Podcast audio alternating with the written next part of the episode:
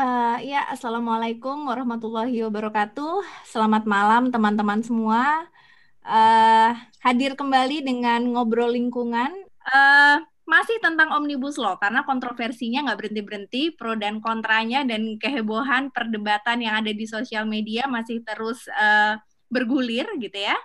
Uh, hari ini tema yang akan kita bawakan adalah bongkar omnibus law karena banyak sekali tuduhan hoax di sana sini tetapi lagi-lagi yang boleh bicara hoax hanya pemerintah. Kita akan membawakan isu yang cukup spesifik uh, dalam kita mengupas omnibus law malam ini yaitu tentang lingkungan hidup, bagaimana kemudian lingkungan hidup ini uh, bakal jadi tumbal untuk investasi gitu ya karena ada begitu banyak pasal-pasal yang akan kita bedah bersama narasumber kita di mana pasal-pasal ini uh, dengan sangat jelas uh, mendegradasi atau menurunkan perlindungan terhadap uh, lingkungan yang ada di Indonesia.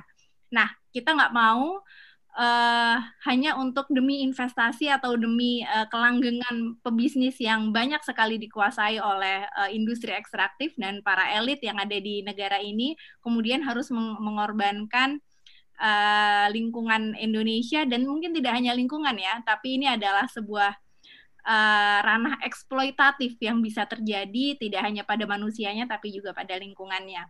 Telah bergabung bersama saya malam ini Prof. Andri Gunawan Wibisana.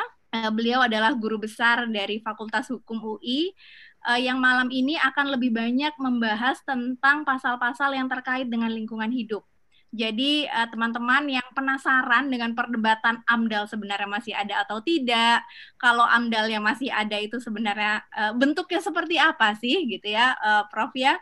Mungkin nanti bisa dijelaskan dan apa pasal-pasal yang sebenarnya membedakan antara Undang-Undang Lingkungan Hidup yang baru dan yang pasal-pasalnya sudah direvisi yang ada dalam Omnibus Law sekarang. Meskipun sebenarnya ini belum diupload secara resmi ya, Prof ya uh, oleh DPR ya, tapi paling nggak dari lima versi yang beredar. Oh, dari lima ya? Semoga nggak ada lagi. Capek juga kan kita dibilang nggak ada bedanya kok. Itu cuma beda ini aja ya, cuma cuma beda uh, apa namanya font aja gitu ya dan ini kertas. Tapi setelah ditelisik uh, ternyata banyak sekali ternyata susupan susupannya. Uh, dan mungkin nanti Prof. Uh, Andri Wibisana juga akan uh, banyak sekali menjelaskan tentang uh, bagaimana strict liability juga uh, apa namanya dampaknya terhadap uh, korporasi uh, dan juga ini yang banyak sekali diperdebatkan adalah hilangnya izin lingkungan nih Prof. Nah ini banyak sekali kita juga dapat uh, pertanyaan gitu ya uh, dari teman-teman yang ada di luar sana. Baik, uh, tanpa memperpanjang lagi, saya akan langsung mempersilahkan untuk Prof. Andri untuk langsung memberikan paparannya dan teman-teman lagi-lagi yang punya banyak sekali pertanyaan yang masih ingin mencari tahu tentang apa pun itu Omnibus Law malam ini memang spesifik kita bicara tentang lingkungan, silahkan langsung tinggalkan pertanyaannya di kolom komentar di YouTube Greenpeace Indonesia. Terima kasih, silahkan Prof. Andri. Baik, uh, selamat uh, selamat malam ya. Assalamualaikum warahmatullahi wabarakatuh. Uh, saya mulai dengan misalkan tadi ada pertanyaan tentang disinggung AMDAL. Bisa ada nggak sih gitu ya? Sekarang mungkin kita lihat baca di WA misalkan dari yang bertebaran di mana-mana yang misalkan uh, membela uh, Omnibus Law dengan menyatakan bahwa ini salah serangan terhadap Omnibus Law yang bilang bahwa uh, AMDAL dihapuskan. Enggak kok, AMDAL masih tetap ada. Nah, buat saya uh, pertama itu perlu ditegaskan beginilah ya. Perlu di pertama buat saya itu seperti uh, strawman fallacy gitu ya. Jadi sebenarnya kalau saya nih ya, saya tidak tahu, tapi kalau saya dan mungkin teman-teman banyak juga lah ya yang yang memahami hukum lingkungan sejak terutama sejak draft pertama keluar ya draft pertama yang bulan Februari keluar kita tidak pernah menuduh AMDAL dicabut gitu. Jadi sebenarnya uh, argumen bahwa ini bohong orang yang menyatakan bahwa AMDAL dicabut. Ya siapa juga yang ngomong gitu, gitu. Kan ada yang bilang gitu, gitu sebenarnya gitu. Jadi uh, tapi gini, kenapa sempat muncul ada tuduhan bahwa AMDAL akan dihapus? Memang akan dulunya ya, dulunya di awalnya tuh memang akan. Atau setidaknya begini, saya pernah berdebat keras banget, marah-marah saya waktu pertama dan pertama dan terakhir ya di di undang rapat gitu di eh, eh, Menko Perekonomian terus tahuan lah udahlah AMDAL ini siapa nggak usah di mungkin pada akhirnya bukan dihapus tetapi di di eh, tidak usah diuji Jadi siapa pun yang mengajukan itu akan disetujui gitu ya. Oh itu apa emosional saya langsung gitu ya. Ini apa-apaan gitu. Jadi nggak mendingan nggak mendingan mendingan yang nggak sama aja ada atau tidak ada amdal kalau seperti itu kan. Gitu. Nah sepertinya itu uh, saya kurang tahu lah ya tapi uh, berubah memang. Tetapi bahwa perlu juga akhirnya kita uh, tegaskan ya bahwa uh, kita saya lah dan mungkin saya juga paham dengan beberapa teman dosen hukum lingkungan yang juga menolak hukum menolak omnibus law kita juga tidak pernah kok bilang bahwa amdal mau dihapus sejak sejak Februari lah setidak-tidaknya ya. sejak begitu kita tahu bahwa ada RUU-nya nggak pernah bilang lagi amdal mau amdal dihapus. Tetapi nah ini yang penting apakah kualitasnya sama terutama dari sisi publik ya? Apakah kualitasnya sama? Enggak enggak sama.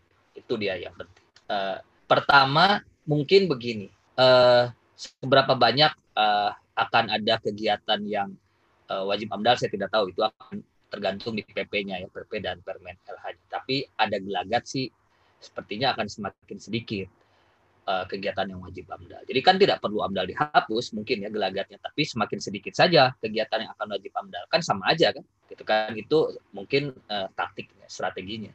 Nah, itu yang perlu sebenarnya mengkhawatirkan. Jadi yang dulu kegiatan-kegiatan wajib AMDAL bisa saja dihilang-hilangkan. Dan jangan lupa Sebenarnya menurut saya yang luput dari perdebatan atau dari perhatian kita adalah UKL UPL. Nah, UKL UPL ini nasibnya menurut saya berbeda dengan AMDAL lah. Jauh menurut saya lebih agak agak justru malah lebih buruk dari perspektif lingkungan karena itu dia prosesnya itu bahkan nggak ada proses. Kalau dilihat dari undang-undang saya tidak tahu tidak tahu e, eh, PP-nya nanti. Tetapi kalau dilihat dari undang-undangnya dia cukup punya cukup bilang ya saya sanggup melakukan penaatan lingkungan itu sudah dianggap sudah cukup. Dulu kan enggak, UKL UPL itu diajukan terus kemudian dinilai oleh pemerintah. Baru keluar rekomendasi UKL UPL dari pemerintah ya. Nah, sekarang enggak, UKL UPL itu cukup seseorang menyatakan bahwa dia sanggup melakukan apa pengelolaan lingkungan, kemudian nah, itu akan dianggap sebagai apa eh, persetujuan lingkungan. Jadi nanti persetujuan lingkungan itu bentuknya ada dua, sebagai semacam persetujuan AMDAL dalam bentuk keputusan kelayakan lingkungan dan sebagai uh, apa ya bentuk bungkus hukum dari pernyataan self declaration dari orang yang wajib UKL UPL. Artinya itu menurut saya UKL UPL ini yang kita kan fokusnya di AMDAL AMDAL gitu. Padahal mungkin nanti akan semakin banyak kegiatan yang wajib UKL UPL dan cukup hanya pernyataan kesediaan melakukan pe, apa uh, apa uh, pengelolaan lingkungan. Cukup hanya itu. Nah ini uh, menurut saya berubah ya, berubah cukup cukup banyak di situ. Nah tadi uh, ada saya mungkin boleh share ya. Iya uh, boleh. Ada, ada. Ya. Ini belum di uh, ini masih di disable. Mau share screen, Prof? Ya mau share screen ya. Uh, jadi gini, kalau mungkin nggak boleh filenya filenya mungkin sambil dikirim sambil ini ya. Jadi begini, kalau nanti ada ada persoalan misalkan eh, buat saya ya, yang paling mengkhawatirkan adalah eh, dari perspektif publik sebenarnya kita sebagai masyarakat. Nah itu eh, itu yang menurut saya eh, kita punya punya apa punya challenge yang yang apa yang sangat besar nanti ke depan. Kenapa? Karena eh, publik sekarang secara secara signifikan berkurang perannya di dalam pengambilan keputusan. Ya.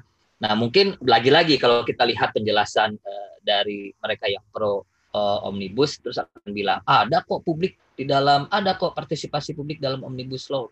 Ya, betul ada, tetapi lagi-lagi seperti AMDAL, kualitasnya jauh berbeda jauh berkurang. Ada uh, tiga cara lah ya yang yang kita bisa perhatikan di, uh, bagaimana partisipasi publik ini berkurang. Nah, pertama dari siapa publik yang uh, berhak berpartisipasi dalam pengambilan keputusan. Menurut Omnibus Law, publik publik yang berpartisipasi dalam pengambilan keputusan, AMDAL misalkan, ya, itu hanyalah uh, mereka yang terkena dampak langsung Gitu. Jadi Greenpeace nggak usah ngomong soal lingkungan nanti, Walhi gitu nggak bisa karena uh, ya itu itu fokus pada eh, apa hanya mereka yang terkena dampak secara langsung. Nah, padahal juga kita tahu ya, eh, masyarakat Indonesia masih banyak yang informasi lingkungannya masih sangat kurang, gitu kan? Masih justru masih akan akan tahu kalau misalkan eh, setelah ada pendampingan, setelah ada advokasi, kan gitu kan? Baru tahu, oh ini bahaya. Tuh eh, Kendeng setahu saya juga ceritanya gitu kan. Amdal, mereka baru baca Amdal setelah udah lama baca dan kemudian diterangkan ada yang menerangkan oh ini ternyata bahaya baru kemudian eh, eh, apa dari situ kita bisa tahu nah jadi sebenarnya ketika pemerintah. Eh, ketika undang-undang ini bilang misalkan ya ini dia. Hanya hanya masyarakat yang terkena eh, dampak lingkungan secara langsung saja yang dapat berpartisipasi wah itu agak mengurangi. Coba kita bandingkan ini saya bandingkan dengan undang-undang lamanya yang aslinya bahwa masyarakat yang dapat berpartisipasi dalam penyusunan AMDAL ya adalah masyarakat yang terkena dampak, pemerhati lingkungan dan mereka yang terpengaruh oleh proses AMDAL. Jadi definisi masyarakat yang dapat ikut serta dalam pengambil keputusan dalam proses AMDAL itu luas gitu dulu. Sekarang hanya masyarakat yang akan terkena dampak. Itu pertama. Jadi definisi masyarakatnya dikurangin secara drastis. Kedua adalah undang-undang uh, omnibus law ini membatasi peran masyarakat perannya hanya pada proses penyusunan AMDAL. Jadi masyarakat itu hanya boleh terlibat ketika AMDALnya dibuat. Nah, ketika AMDAL di, mau dinilai oleh tim penilai itu nggak bisa lagi ikutan. Ketika AMDAL sudah dikeluarkan tidak bisa juga mengajukan keberatan, gitu ya. Apalagi ketika persetujuan lingkungannya sudah keluar.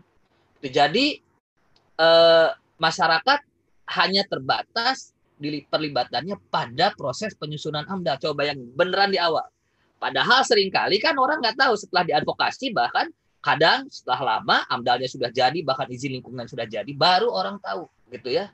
Nah itu proses itu kan tidak tidak justru ingin yang ingin dihindari gitu sepertinya ya. Kalau kita jeli lihat naskah akademiknya sebenarnya memang tercermin gitu. Memang proses ini yang ingin dihindari. Di masyarakat itu sudah dibatasi saja hanya penyusunan AMDAL dan misalkan, coba saya bandingkan dengan dulu. Dulu masyarakat bisa dalam penyusunan AMDAL terlibat. Jadi ketika AMDALnya dibuat, terlibat masyarakat. Dia juga ketika sedang proses AMDAL, penilaian AMDAL, bisa menjadi anggota komisi penilai AMDAL. Sekarang nggak ada orang komisinya juga diganti dengan tim peng, uh, apa tim uji kelayakan yang isinya terdiri dari pemerintah pusat, pemerintah daerah dan pakar uh, ahli bersertifikat. Jadi sekarang ini sangat teknokratis. Jadi eh, ini menurut saya undang-undang ini menandakan kemenangan eh, mereka yang percaya percaya dengan pendekatan teknokratis di dalam pengambilan keputusan publik. Jadi eh, dan kekalahan dari mereka yang percaya dengan eh, eh, pengambilan keputusan secara demokratis, gitu ya.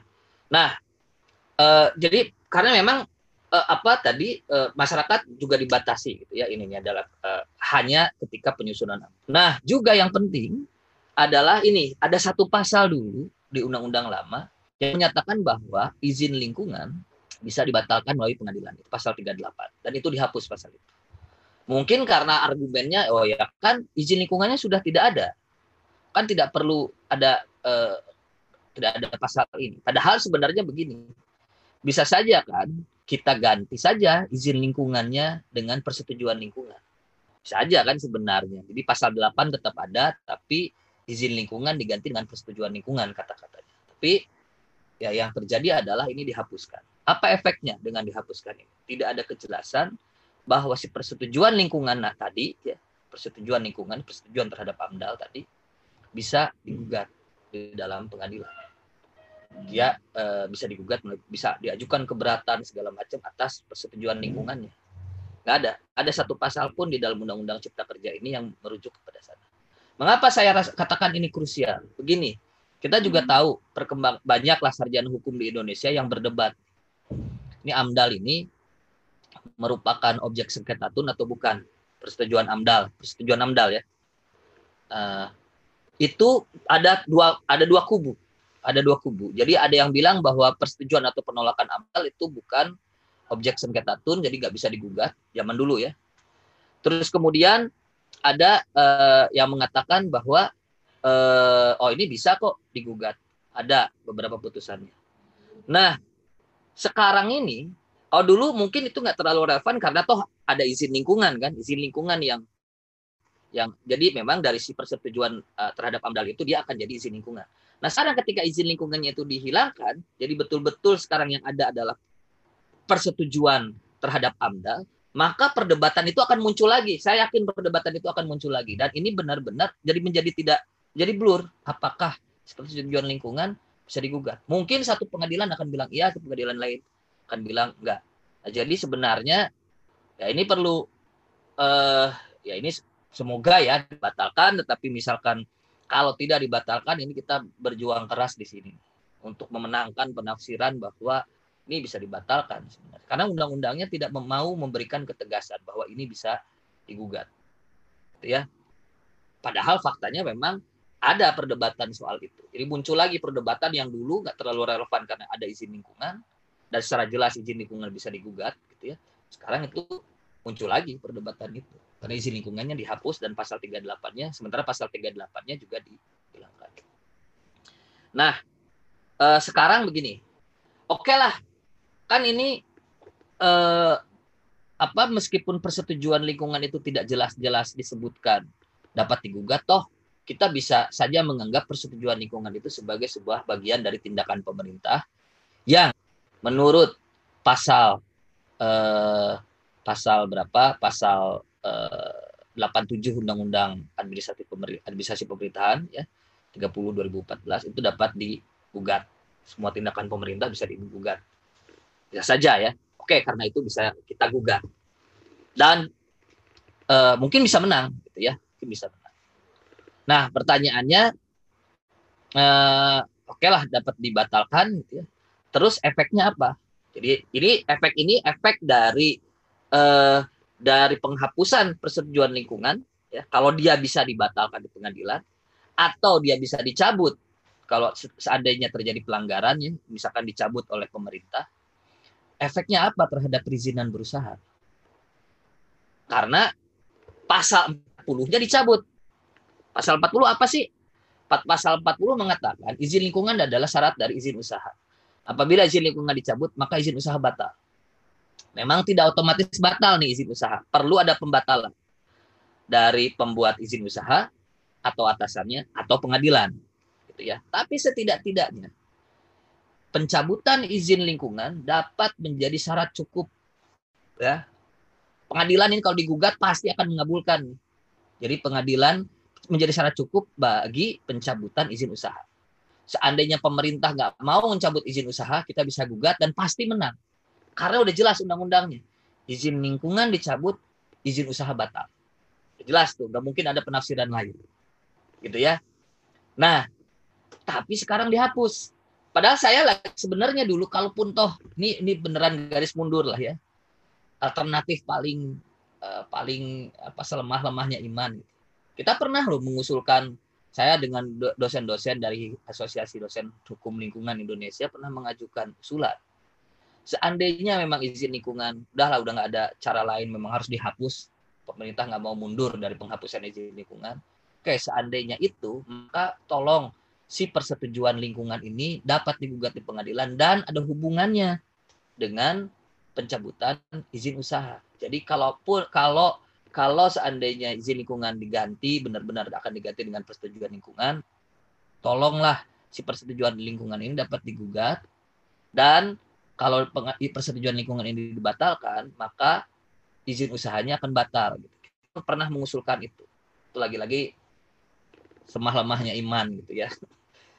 Itu kan nggak ada itu juga ditolak lah ya. Artinya pasal 40 ini memang beneran oleh pemerintah akan dihapus sehingga nggak jelas efeknya loh. Efek dari pembatalan atau pencabutan persetujuan lingkungan. Apa efeknya? Saya khawatir nih balik ke zaman dulu ini sekarang saya ingin ceritakan kenapa pasal 40 UU PPLH ini muncul. Jadi perdebatannya mungkin bisa dikonfirmasi ini ke Pak uh, Mas Ahmad Santosa, Prof. Asep Warlan gitu ya di Unpar. Uh, jadi dulunya atau Prof Takdir gitu ya. Setahu saya mereka berbicara ini sejarahnya tuh gini. Dulu ketika Undang-Undang 97 2397 pokoknya zaman Orde Baru dan keberlakuan undang-undangnya masih Undang-Undang 97 itu banyak izin usaha yang sentralistis. Izin usahanya dari dari da, eh, dari pusat. Sementara izin pembuangan limbahnya atau kita sebut waktu itu sebenarnya izin lingkungan ya dan secara teori ya yang bentuknya adalah izin-izin pembuangan limbah itu. Nah, itu dikeluarkan oleh daerah. Nah, dalam banyak kasus sering terjadi ketika daerah mencabut izin pembuangan limbah cair, usahanya tetap jalan, nggak tutup. Nggak ada efeknya apa-apa. Nah, karena itulah pasal 40 ini diciptakan. Nah, sekarang persyaratan supaya persyaratan lingkungan itu katanya waktu itu ya cukup kuat, maka tolong dijadikanlah si persetujuan atau persyaratan lingkungan ini dalam bentuk izin lingkungan itu benar-benar menjadi syarat dari izin usaha sehingga ketika izin lingkungan ini dicabut maka izin usahanya batal. Ya, ada mencoba mengaitkan antara izin di bidang lingkungan hidup dengan izin usaha. Meskipun lagi-lagi tidak otomatis karena memang lembaganya berbeda, tetapi menjadi syarat cukup lah ya bagi adanya pembatalan. Nah, sekarang pasal ini dihapus sehingga efeknya jadi tidak jelas. Seandainya pun kita bisa menggugat pasal uh, persetujuan lingkungan dan kemudian persetujuan lingkungan dicabut, apa dampaknya terhadap persetujuan persetujuan berusaha saya nggak tahu. Seandainya pun KLHK nanti dapat melakukan penjatuhan sanksi, berupa pencabutan persetujuan lingkungan, efeknya terhadap perizinan berusaha juga tidak tahu. Karena pasti KLH tidak tidak akan bisa mengeluarkan perizinan berusaha untuk bidang-bidang uh, usaha yang tidak di bawah KLHK, ya, yang sektoral lain itu bukan kewenangan dia. Nah, oke. Okay. Tetapi nah mungkin pemerintah pernah bilang gini dan saya pernah baca sepintas. Tapi kan uh, perizinan berusaha bisa digugat langsung jadi nggak perlu menggugat persetujuan lingkungan, gugat saja langsung persetujuan per, apa eh, per, perizinan berusaha. Seakan-akan ini adalah argumen yang menunjukkan bahwa sekarang tuh kondisinya syarat lingkungan tuh lebih kuat.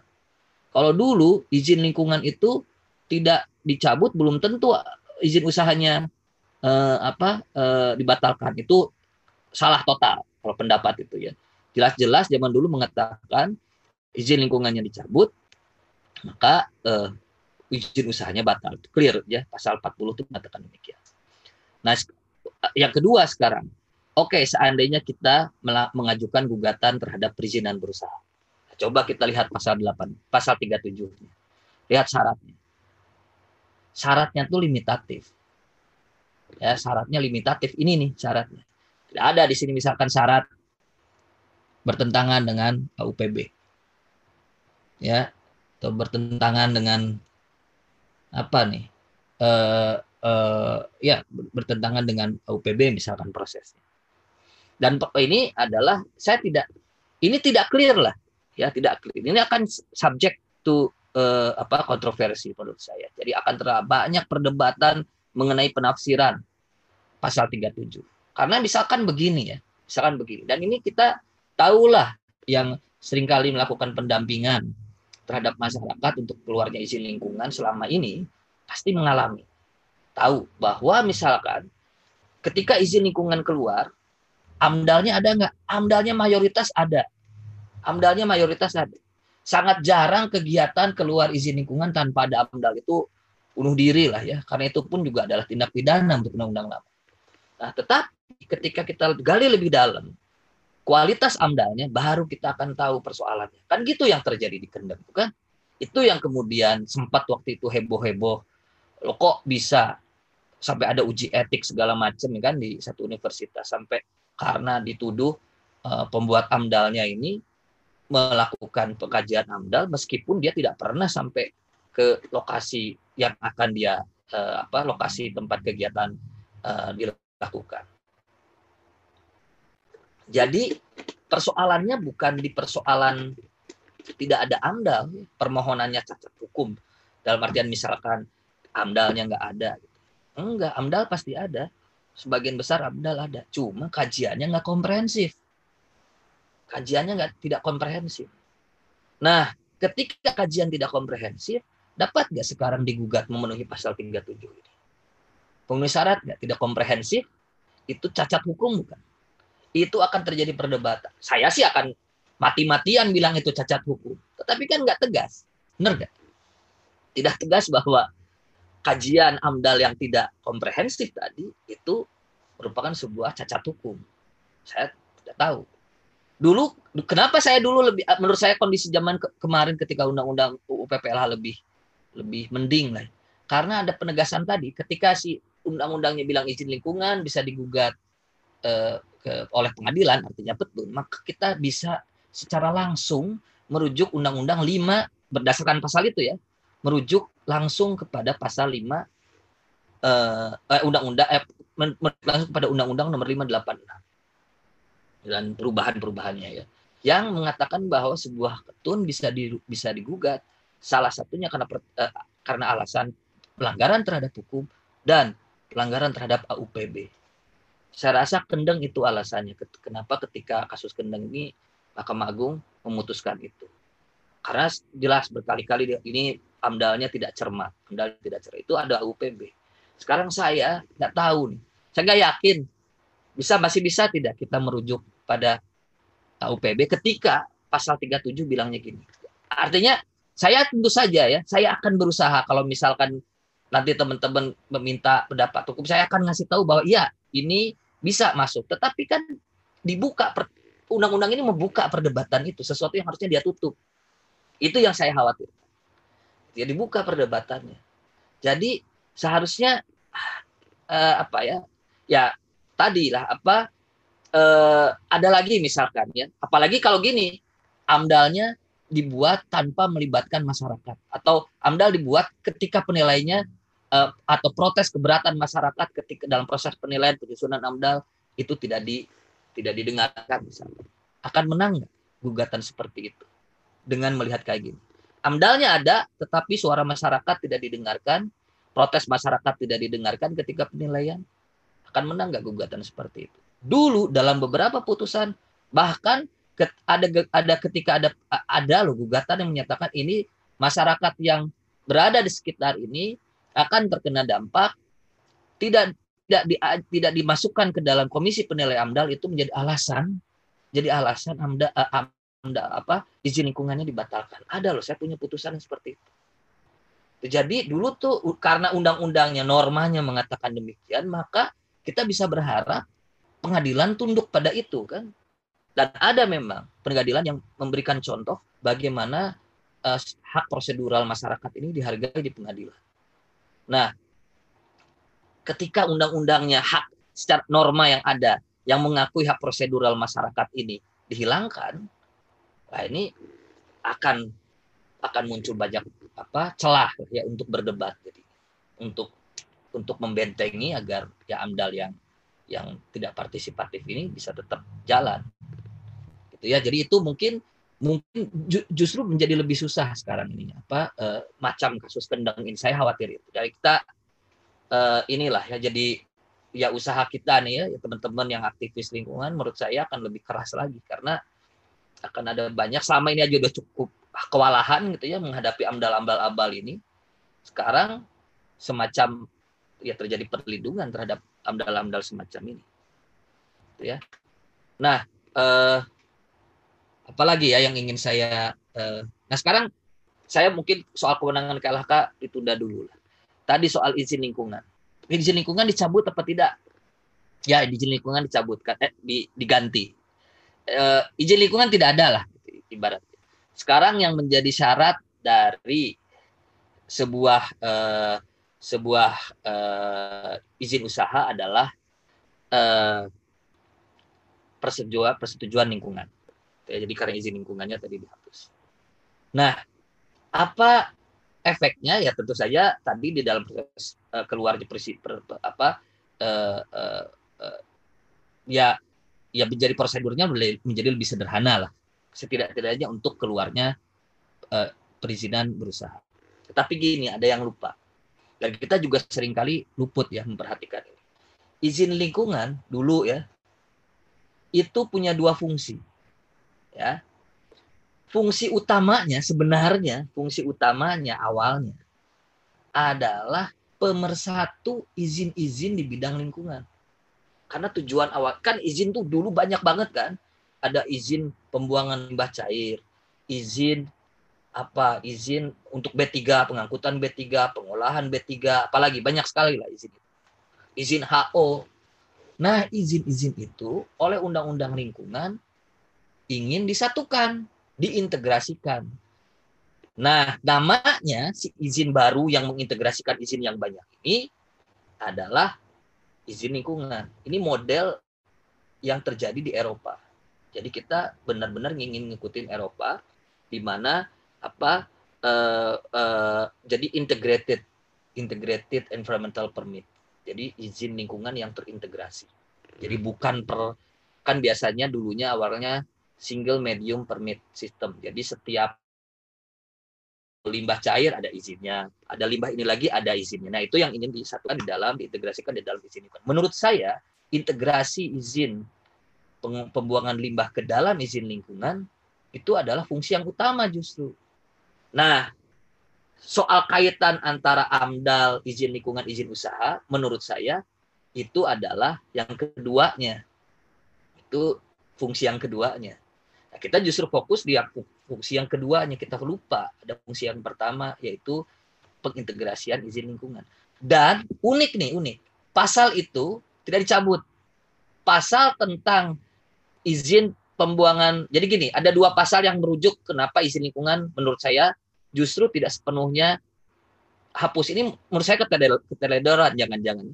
Pertama gini, pasal 60 yang menyatakan bahwa setiap orang yang membuang limbah harus pakai izin, kata-katanya izin ya, itu tidak dihapus. Di pasal 60 setiap pembuangan limbah harus pakai izin, itu tidak dihapus. Oke? Okay? Yang di yang diganti nah kemudian digantilah di pasal 61-nya ada penjelasannya. Saya tidak tahu kenapa uh, izin si si, kat, si pasal 60 itu kata izin di pasal 60 itu tidak diubah. Nah, di sisi lain pasal 123 undang-undang lama itu tidak dicabut. Pasal 123 apa bunyinya? Pasal 123 menyatakan bahwa undang-undang ini sejak dua tahun sejak undang-undang ini berarti 2009 2009 ya. Dua tahun apa satu tahun? Eh, satu tahun sejak undang-undang ini diundangkan, maka semua izin di bidang lingkungan hidup harus, di, harus diintegrasikan ke dalam izin lingkungan. Jadi udah nggak ada lagi izin-izin pembuangan limbah itu harusnya sudah tidak ada idealnya ya menurut norma undang-undang harusnya tidak ada harusnya hanya ada izin lingkungan. Nah sekarang ketika izin lingkungannya dihapus mau apa coba? Gimana ceritanya nih tentang izin-izin pembuangan limbah ini? Karena gini, faktanya sekarang izin-izin pembuangan limbah itu masih ada karena pemerintah tidak sungguh-sungguh menyatukan ini di dalam izin lingkungan. PP PP 27 2012 justru secara tegas menghidupkan izin-izin ini. Kemudian nanti akan di, disebut sebagai izin pengelolaan dan perlindungan lingkungan yang nomenklatur baru lah ya. Jadi izin-izin ini masih ada coba lihat. Prakteknya kan masih ada. Bupati masih ngeluarin masih mengeluarkan izin pembuangan limbah cair gitu sekarang. Nah, Nah sekarang saya ingin tanyakan, ketika izin lingkungan yang dulu diamanatkan untuk menyatukan izin-izin ini dihilangkan, ya sudah sudah nggak ada lagi. Terus bagaimana dengan izin-izin pembuangan limbah ini?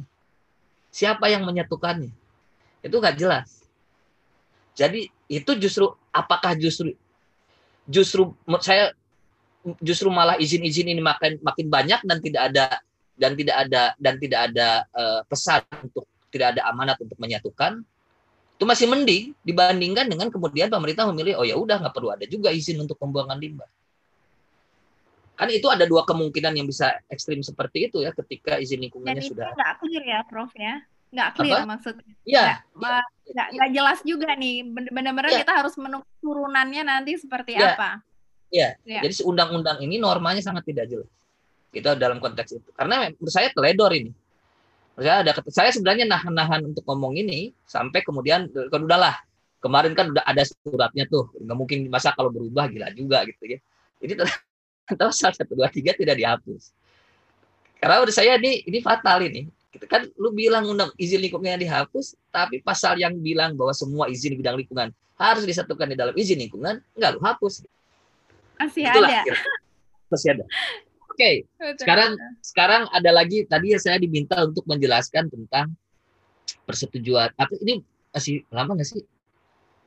Boleh, boleh, Prof. Silahkan. Karena memang menarik sekali dan uh, kita juga pengennya uh, tidak cuma teman-teman Greenpeace saja, tapi semua juga yang mendengar uh, yang saat ini juga mengikuti di YouTube Greenpeace Indonesia dan nanti bisa mengikuti uh, lewat podcast ngobrol lingkungan juga bisa benar-benar sampai paham nih poin-poin ancaman terhadap perlindungan lingkungan hidup kita. Silahkan, Prof. dilanjutkan. Oke, okay. nah begini. Uh, Nah sekarang saya ingin ingin inilah. Ini ada pertanyaan. Apakah RUU ini akan berimbas pada komitmen Indonesia terhadap Paris Agreement? Saya tidak tahu. Tidak tahu secara langsung ya. Tapi gini, gini. Eh, apakah akan berpengaruh? Bisa jadi. Dalam artian begini. Eh, dalam konteks masyarakat tadi gugatan ya. Saya berharap sebenarnya selama ini karena memang sudah mulai muncul ada satu dua gugatan terhadap eh, Greenpeace pernah melakukannya kan di celukan bawang jadi gugatan terhadap izin lingkungan untuk PLTU. Ini eh, karena alasan alasan perubahan iklim. Alasan perubahan iklim karena si AMDALnya tidak mengkaji perubahan iklim. Saya sih sebenarnya ini kalau nggak ada omnibus law, saya meskipun kemarin Greenpeace kalah, tapi kalau ini terus gugatan muncul, saya punya punya keyakinan sebenarnya ada kecenderungan pengadilan sekarang akan mengabulkan sebenarnya. Ya. Nah, dengan adanya omnibus law ini kan nggak bisa lagi gugatan. Saya khawatir gugatan-gugatan semacam itu udah nggak bisa lagi. Gitu. Jadi ini menurut saya adalah meskipun tidak langsung ya ada. Uh, mungkin kekhawatiran kita adalah begini sebenarnya. Ya tadi kegiatan-kegiatan yang ekstraktif tadi, termasuk misalkan PLTU PLTU batu bara itu bisa bisa berjalan tanpa perlu khawatir akan ada gugatan dari masyarakat. Sepanjang dia ada AMDAL, cukup selesai. AMDALnya kualitasnya kayak gimana? Nah, ya, tadi, apakah AMDAL yang kualitas buruk itu melawan hukum? Kan enggak, gitu. belum tentu.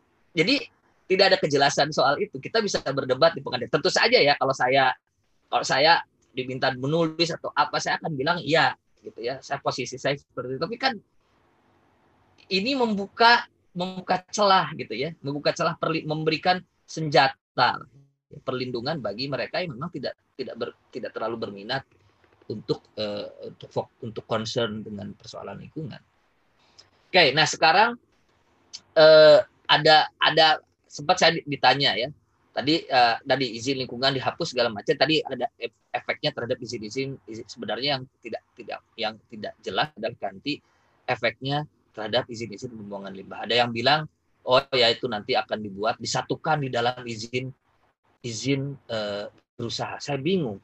Kalau kayak gitu kan berarti nggak ada lagi izin pembuangan limbah kan? Itu malah lebih gawat loh. Terus izin berusaha kan baik bukan. Kalau misalkan begini, ada kegiatan, ada orang-orang berusaha yang memang kegiatannya adalah mengolah limbah B3. Ya, itu betul izin berusaha yang akan keluar. Kalau izin lingkungannya disatukan dengan perizinan berusaha, oke, okay, nggak masalah karena itu memang kegiatannya itu. Tetapi kalau ada orang yang eh, apa yang menghasilkan limbah B3 menyimpan sementara itu kan bukan kegiatan utamanya. Itu dulu perlu izin gitu ya. Untuk untuk menyimp, untuk penyimpanan sementara itu dulu perlu izin. Itu dan itu bukan kegiatan utamanya. Itu akan dikemanakan izinnya ke, di, diintegrasikan atau di, berdiri sendiri. Nah, setelah selain itu sebenarnya ini pemerintah di dalam undang-undang ini coba kalau misalkan yang e, berminat ya, cek cek diuji apakah e, istilahnya sama. Istilahnya itu beda-beda. Ada untuk tadi ya untuk persetujuan menjadi yang menjadi syarat dari izin usaha itu adalah persetujuan lingkungan. Oke, nah persetujuan lingkungan itu merupakan bentuk dari Eh, persetujuan terhadap AMDAL atau persetujuan terhadap UKL UPL lah gitu ya ceritanya. Bukan persetujuan maaf kalau untuk UKL UPL. Uh, pernyataan self declaration. Gitu ya. Nah, itu persetujuan lingkungan.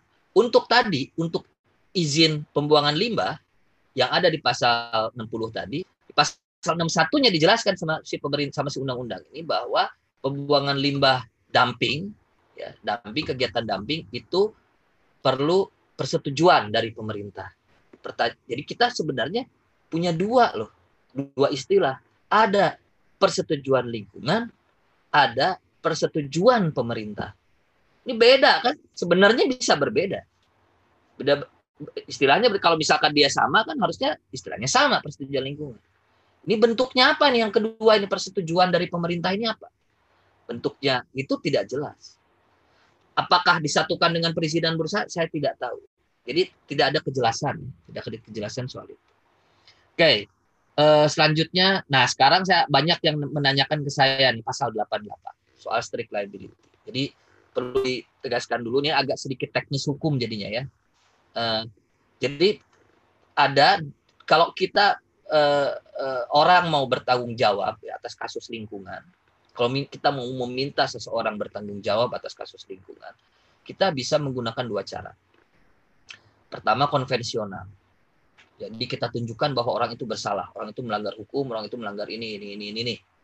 Nah, karena dia melanggar hukum, melanggar baku mutu, e, emisi, nggak pakai izin, gitu ya.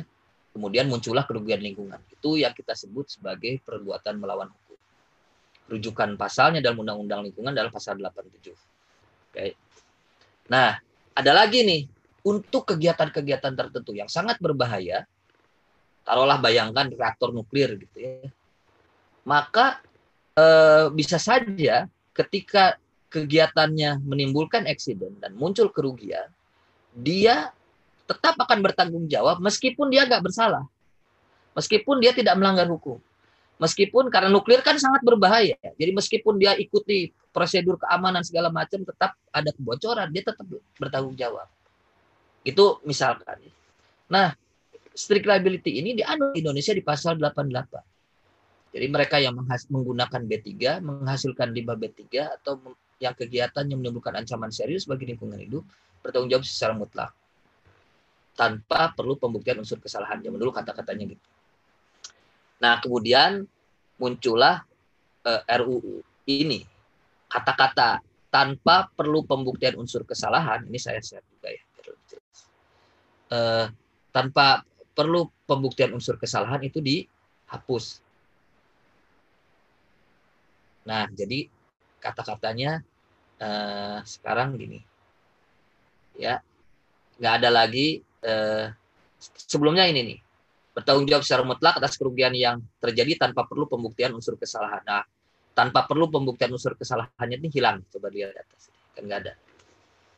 Ya, sekarang pertanyaannya apakah dengan dihilangkannya tanpa perlu pembuktian unsur kesalahan berarti pasal 88 sekarang menurut undang-undang CK bukan lagi strict liability, bukan lagi tanggung jawab mutlak.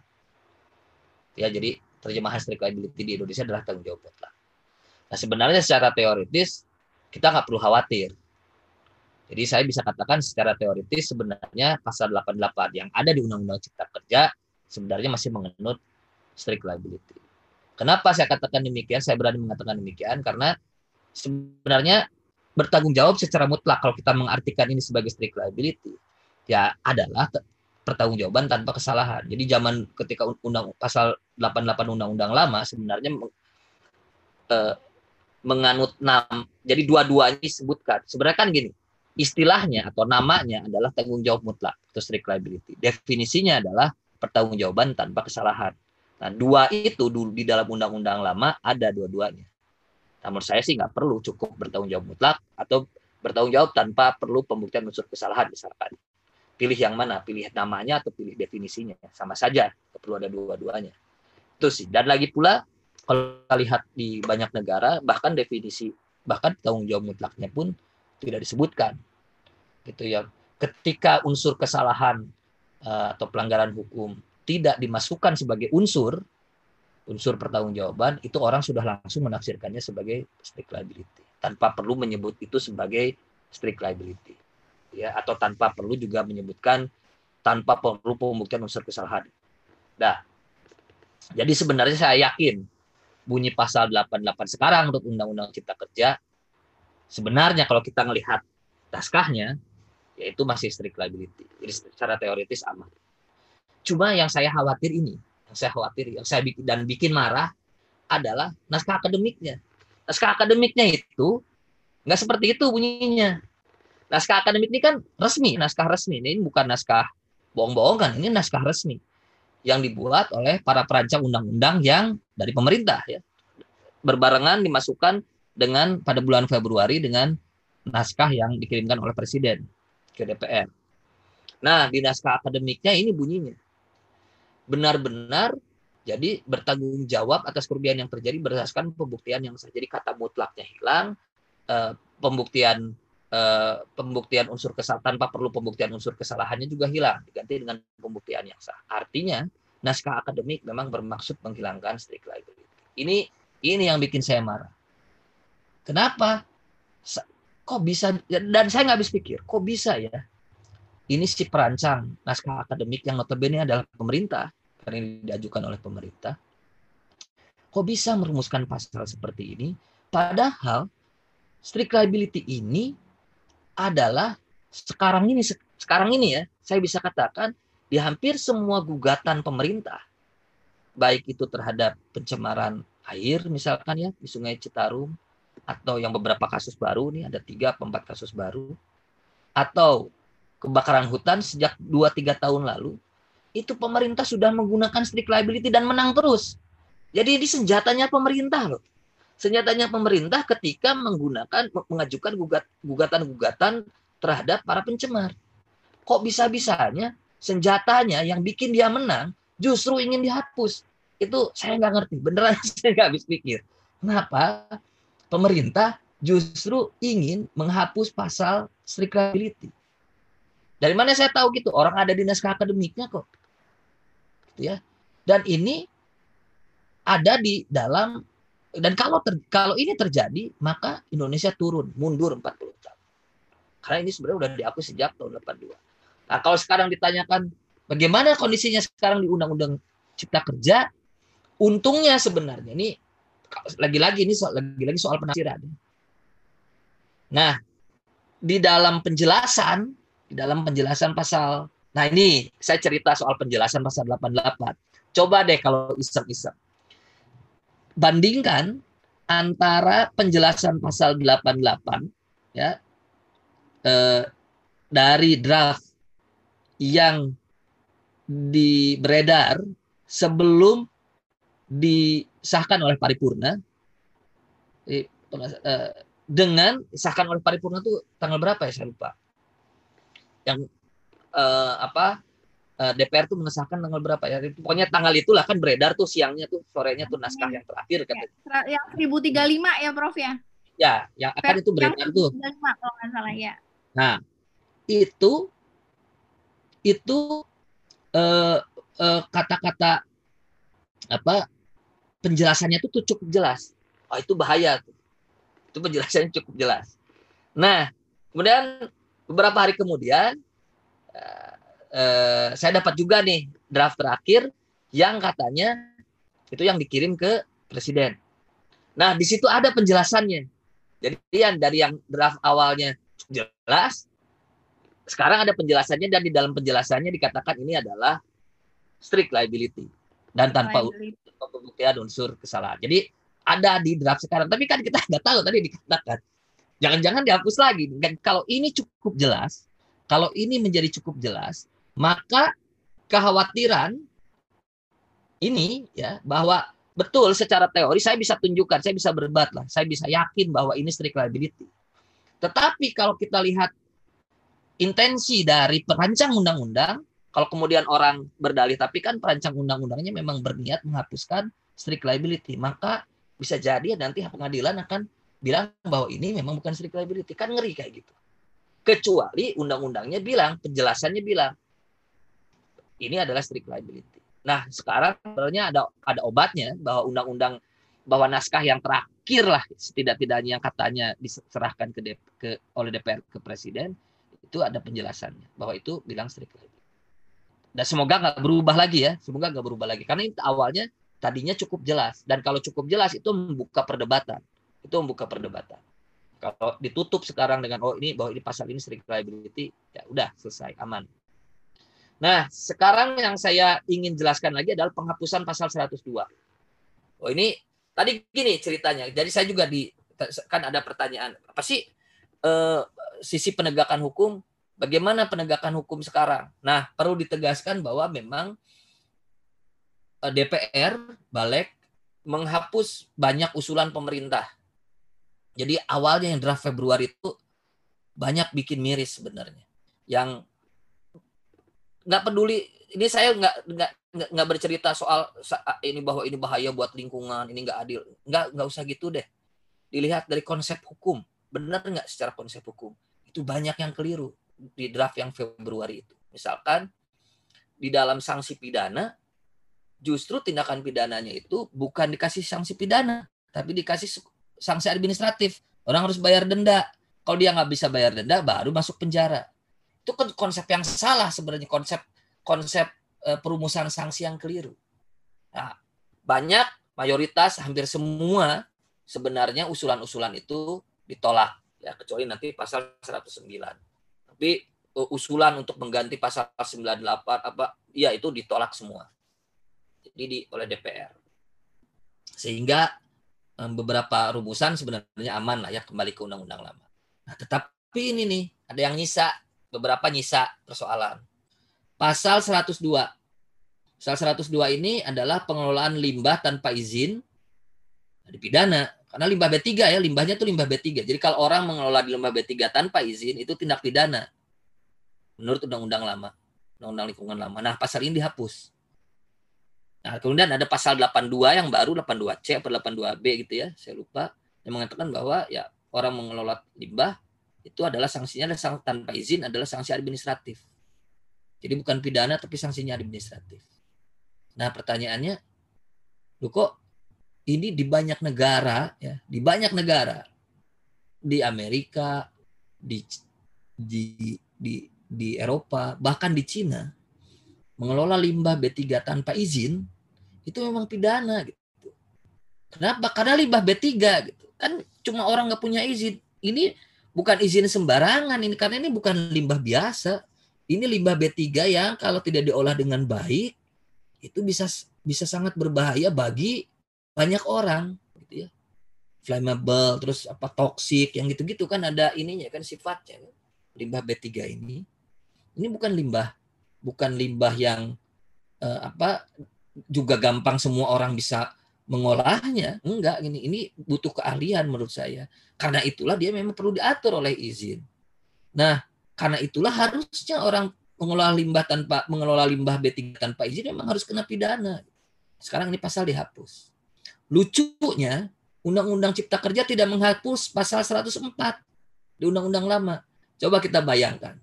Pasti 104 104 mengatakan gini, orang yang melakukan dumping limbah B3 ke media lingkungan tanpa izin dipidana. Ini kan unik jadinya. Kalau limbahnya limbah B3 padahal itu berbahaya, jauh berbahaya gitu ya. Dia lakukan tanpa izin, itu nggak kena pidana. Tetapi kalau limbah biasa yang justru bahayanya lebih lebih sedikit, dilakukan tanpa izin, dia justru kena, justru kena pidana. Absurd kan itu? Begitu kan? Ini gimana iya, sih iya. gitu kok? Kok bisa gitu. Nah, terus kemudian Undang-Undang Cipta Kerja juga kemudian mengandalkan sanksi administratif untuk pembuangan limbah B3 ya yang tanpa izin. Apa sanksi administratifnya? Saya tidak tahu. Nanti akan saya jelaskan ya. Tapi gini prakteknya. Emang sanksi administratif kita bagus? Enggak, sanksi administratif kita tuh jelek. Ini saya kasih contoh. Ada satu kasus, Kaswari Unggul, PT-nya.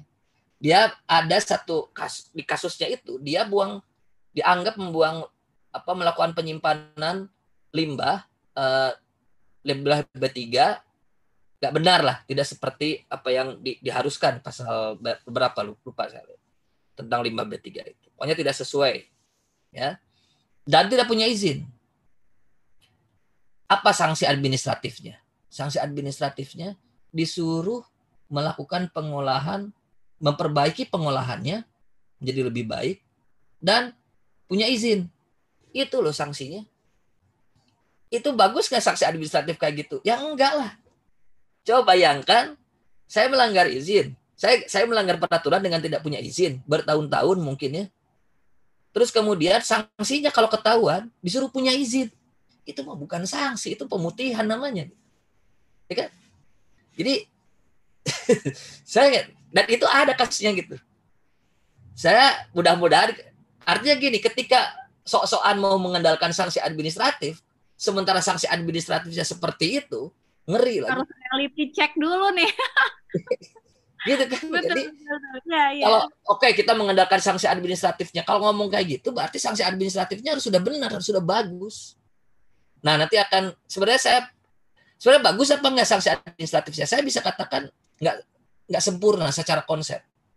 Ada ke, ada kesalahan, ada ada kekeliruan ketika memahami paksa apa itu kesalahan pemerintah dan apa itu denda. Ibaratnya gini saya pasti saya saya saya pernah nulis untuk ISL di jurnalnya ISL. Saya katakan bahwa konstruksi sanksi administratif di Indonesia di undang-undang lama nih ya itu adalah eh, tidak memungkinkan terjadinya sanksi yang punitif. Jadi sebenarnya sanksi administratif itu harus dua bisa dua sifatnya setidaknya. Pertama adalah sanksi yang reparatoir dan sanksi yang memulihkan. Yang kedua adalah sanksi yang menghukum. Harus ada ini menghukum. Jadi eh, yang ada di apa contoh sanksi yang menghukum adalah denda administratif. Apa contoh yang memulihkan? Yaitu sanksi misalkan paksaan pemerintah. Nah, undang-undang kita pasal 81 yang itu juga tidak dicabut di sini keliru memahami denda administratif menurut saya. Denda itu harusnya sifatnya punitif. Dia dijatuhkan karena ada kesalahan. Jadi kalau saya melanggar, saya dihukum. Bayar denda lu gitu karena lu menghukum dan lu keliru. Eh, kalau yang ada di pasal 81 bukan. Jadi ada orang melanggar terus dikasih paksaan pemerintah, paksaan pemerintahnya juga keliru penafsirannya tapi disuruh memperbaiki gitu ya pelanggarannya, terus dia tidak mau memper, memperbaiki. Nah, setiap hari pelanggarannya disuruh bayar. Itu namanya sebenarnya bukan denda, itu namanya uang paksa. Sifatnya secara teori sama seperti paksaan pemerintah, sama-sama reparatoir. Sementara kalau yang denda enggak. Kalau denda itu dijatuhkan tanpa melihat apakah orang ini akan taat atau tidak. Sementara paksa, eh, si sanksi uh, uang paksa hanya dijatuhkan ketika orang ini disuruh memperbaiki kesalahannya, dia masih membandel. Nah, barulah kena uang paksa.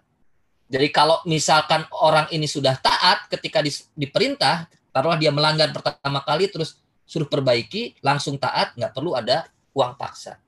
Sementara kalau denda tadi sudah langsung bisa dilakukan, dijatuhkan ketika dia pertama kali melanggar. Karena denda itu adalah hukuman bagi mereka yang uh, sanksi administratif yang sifatnya menghukum. Menghukum menambah penderitaan bagi mereka yang melanggar. Kenapa harus ditambahi uh, ditambahkan penderitaan? Ya karena lu melanggar gitu. Contoh gini deh yang biasanya saya kasih contoh ke mahasiswa di kelas gini. Contohnya ya. Saya naik kereta. Naik kereta itu uh, harga tiketnya taruhlah Depok uh, Tebet gitu ya itu kan taruh sekarang berapa? lima ribu gitu ya.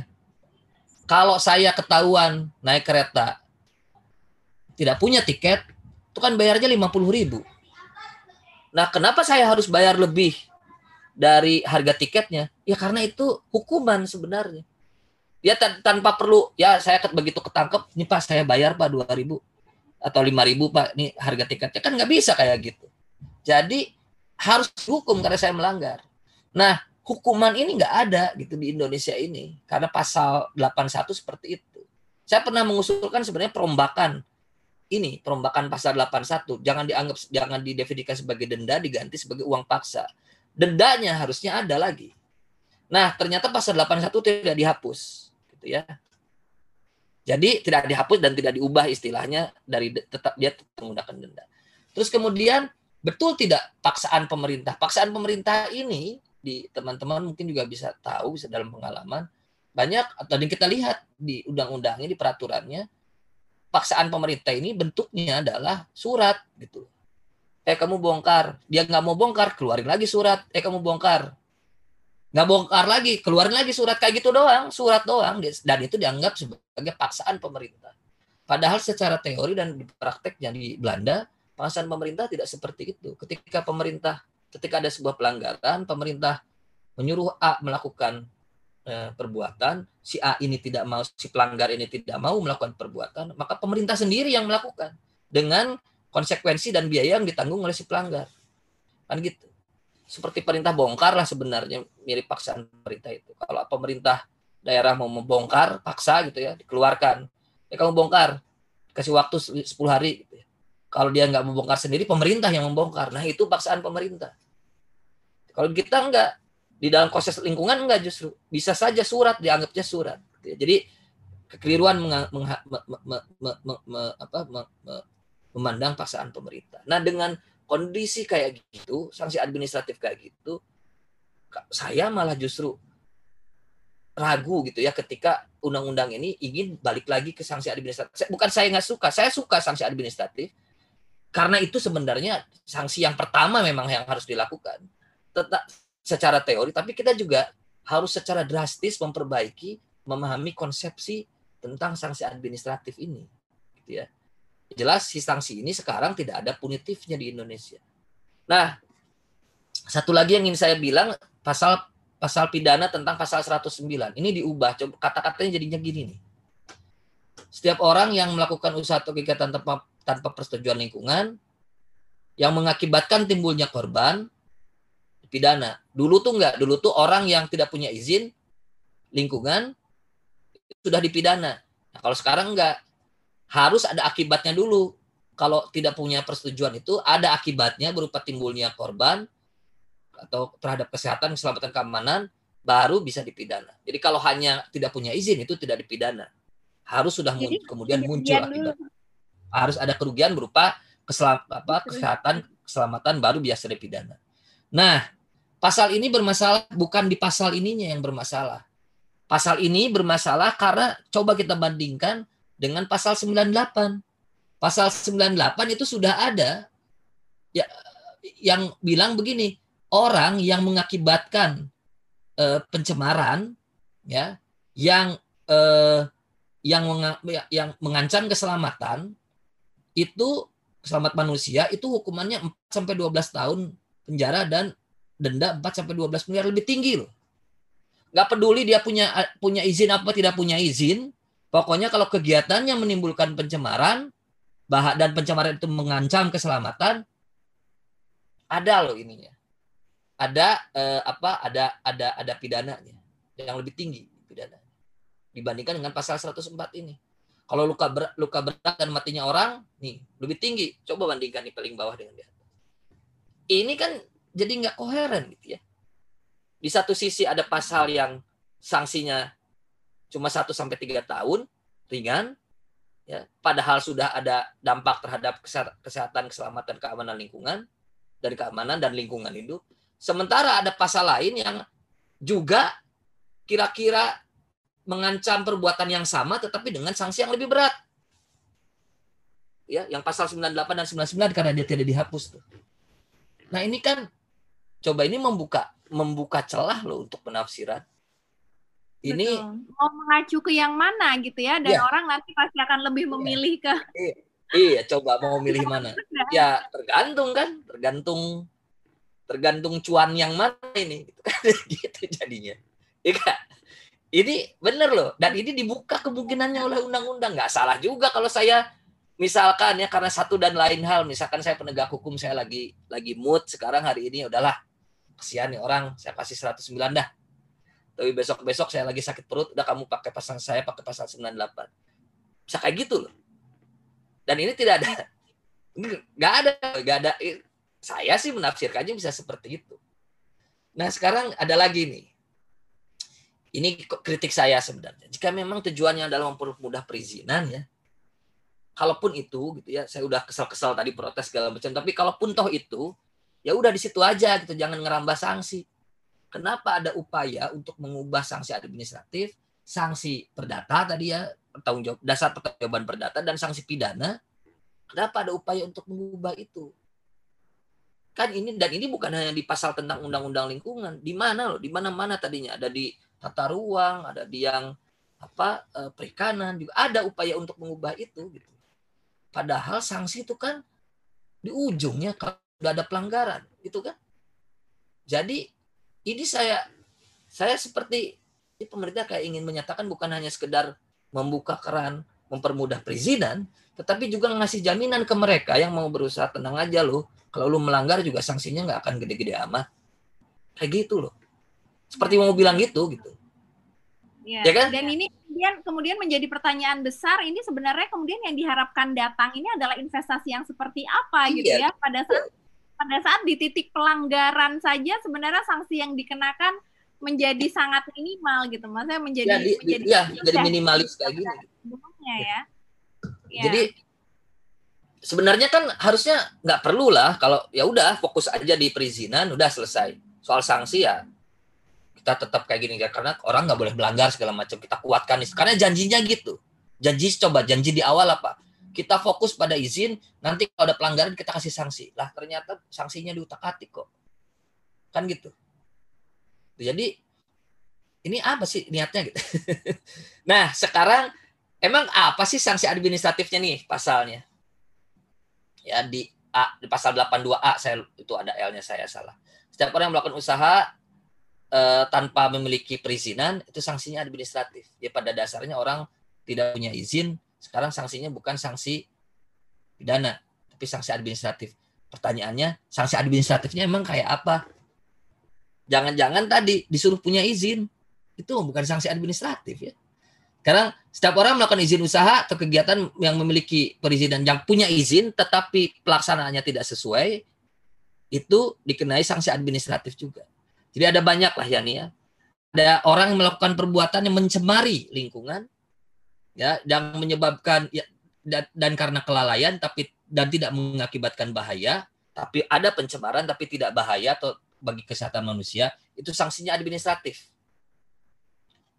Nah, sementara ada pasal 82B ayat 3 setiap orang yang karena kelalaiannya melampaui baku mutu udara baku mutu air, baku mutu air laut juga sanksi administratif. Ini saya lagi-lagi ini krit ini saya ingin nyala lah ya.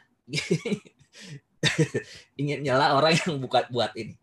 Coba pasal 82B orang yang karena kelalaiannya mengakibatkan dilampauinya baku mutu udara ambien, baku mutu air, baku mutu air laut, baku batu kerusakan. Sanksinya administratif. Oke. Okay? Sebelumnya dikatakan pasal 82B ayat 2 A-nya orang yang mengakibatkan pencemaran atau kerusakan lingkungan karena kelalaiannya dan tidak ada akibat bahaya segala macam juga sanksi administratif. Apa bedanya? Nggak ada bedanya.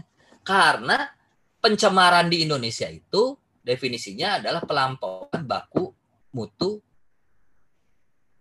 ini. Nih, baku mutu darah ambien, baku mutu darah itu pencemaran sebenarnya masuk sudah gitu. Ngapain juga ada dua ayat gitu. Nggak ngerti berarti ini orang gitu yang bikin ini. Sama loh, sama sebenarnya ini antara pasal 82B ayat 3 menurut saya dengan pasal 82B ayat 2A sama ini perbuatannya. Sanksinya juga sama. Kenapa dibikin dua pasal? Saya bingung. Sama ini. Karena melampaui baku mutu melampaui baku mutu udara ambien itu kan artinya menyebabkan pencemaran udara. Melampaui baku mutu air itu artinya menyebabkan pencemaran air kan gitu. Melampaui kriteria baku kerusakan itu artinya merusak lingkungan. Kan? Ini sebenarnya. Ya kan? Sama aja. Terus kenapa? Apa bedanya? Nggak ada bedanya. Dan sanksinya administratif. Tapi itu ya. ya tapi itu cuma celah-celahan aja ya. Nggak terlalu bermasalah. Dan ini sanksinya nih.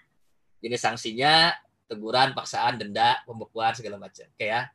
Jadi ada nih tapi ini perlu didefinisikan nah sekarang sekarang kekhawatirannya kekhawatiran saya yang paling besar adalah sanksi pidana menjadi ultimum remedium, terutama untuk delik yang material. Karena ada pasal-pasal ini.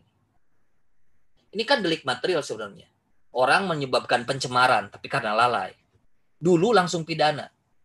Dulu gak ada ini. Nah sekarang, apakah pasal ini nih, pasal 82B ayat 3 ini, ya, karena oke okay, karena memang kelalaiannya, tetapi apakah pasal ini menjadi eh, penghambat bagi diterapkannya pasal 99. Kalau iya itu berarti sanksi pidana termasuk bagi delik material delik material itu berarti tindak pidana yang sudah mengakibatkan sudah ada akibatnya itu menjadi ultimum remedium itu yang sebenarnya perlu ditolak kenapa lagi-lagi karena delik material di banyak negara di mana pun lagi-lagi tadi saya kasih contoh Amerika di Cina gitu ya di Belanda itu memang tindak pidana gitu bahwa kemudian plus ditambahi sanksi administratif bisa saja tetapi pada dasarnya itu adalah pidana. Gitu ya. Jadi ini yang tidak jelas di Indonesia. Kenapa? Karena justru saya khawatir si sanksi-sanksi ini, sanksi administratif ini akan menjadi penghambat bagi diterapkannya sanksi eh, pidana. Semoga enggak ya, semoga enggak. Tapi tadi saya katakan, seberapa baikkah sanksi kita? Tadi saya kasih contoh. Nah, ke, ke, harus sanksi administratif itu harus baik ya, terutama dalam sisi administratif. Kalau ingin meng, me, me, apa, me, me, memprioritaskan sanksi ini, mendaya, me, apa, menggunakan, mengeksploitasi lah sanksi administratif ini. Nah, karena memang bisa dan itu saya sangat senang kalau bisa. Nah, ini misalkan Pak Ota ini pernah bilang efektivitas command and control, terutama misalkan kita bisa ambil contoh penegakan hukum administratif, itu didasarkan kepada tiga ya kemampuan mendeteksi pelanggaran adanya respon yang cepat dan pasti adanya sanksi yang memadai. Nah, ini mirip lah dengan apa yang dikatakan oleh Gary Becker Gary Becker ini ekonom Chicago dan kemudian dapat hadiah Nobel ekonomi pernah dia katakan gini penjahat kalau dia rasional dia akan melakukan tindak pidana jika benefit dari kejahatan lebih tinggi dari costnya di mana cost dari tindak pidana itu adalah bukan hanya sanksi tetapi juga probabilitas penjatuhan sanksi kan gitu kan Nah, jadi mirip-mirip dengan ini. Sanksinya memadai, ini yang S. Kemampuan mendeteksi pelanggaran dan respon yang cepat yang dan pasti ini adalah probabilitas penjatuhan sanksinya sebenarnya. Tingkat penegakan hukum. Mirip lah dengan ini ya, dengan Gary Becker. Nah, apa yang terjadi dengan kita ini sekarang ya?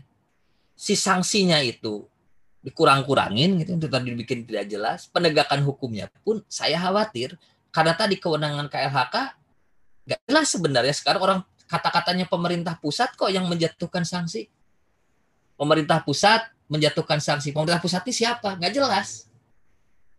Jadi kemampuan eh, apa P-nya berkurang, probability penjatuhan sanksinya bisa jadi berkurang karena respon karena nggak jelas siapa gitu ya bisa jadi eh, berubah bukan KLHK. Tapi dan sanksinya juga dikurang-kurangin. Gitu.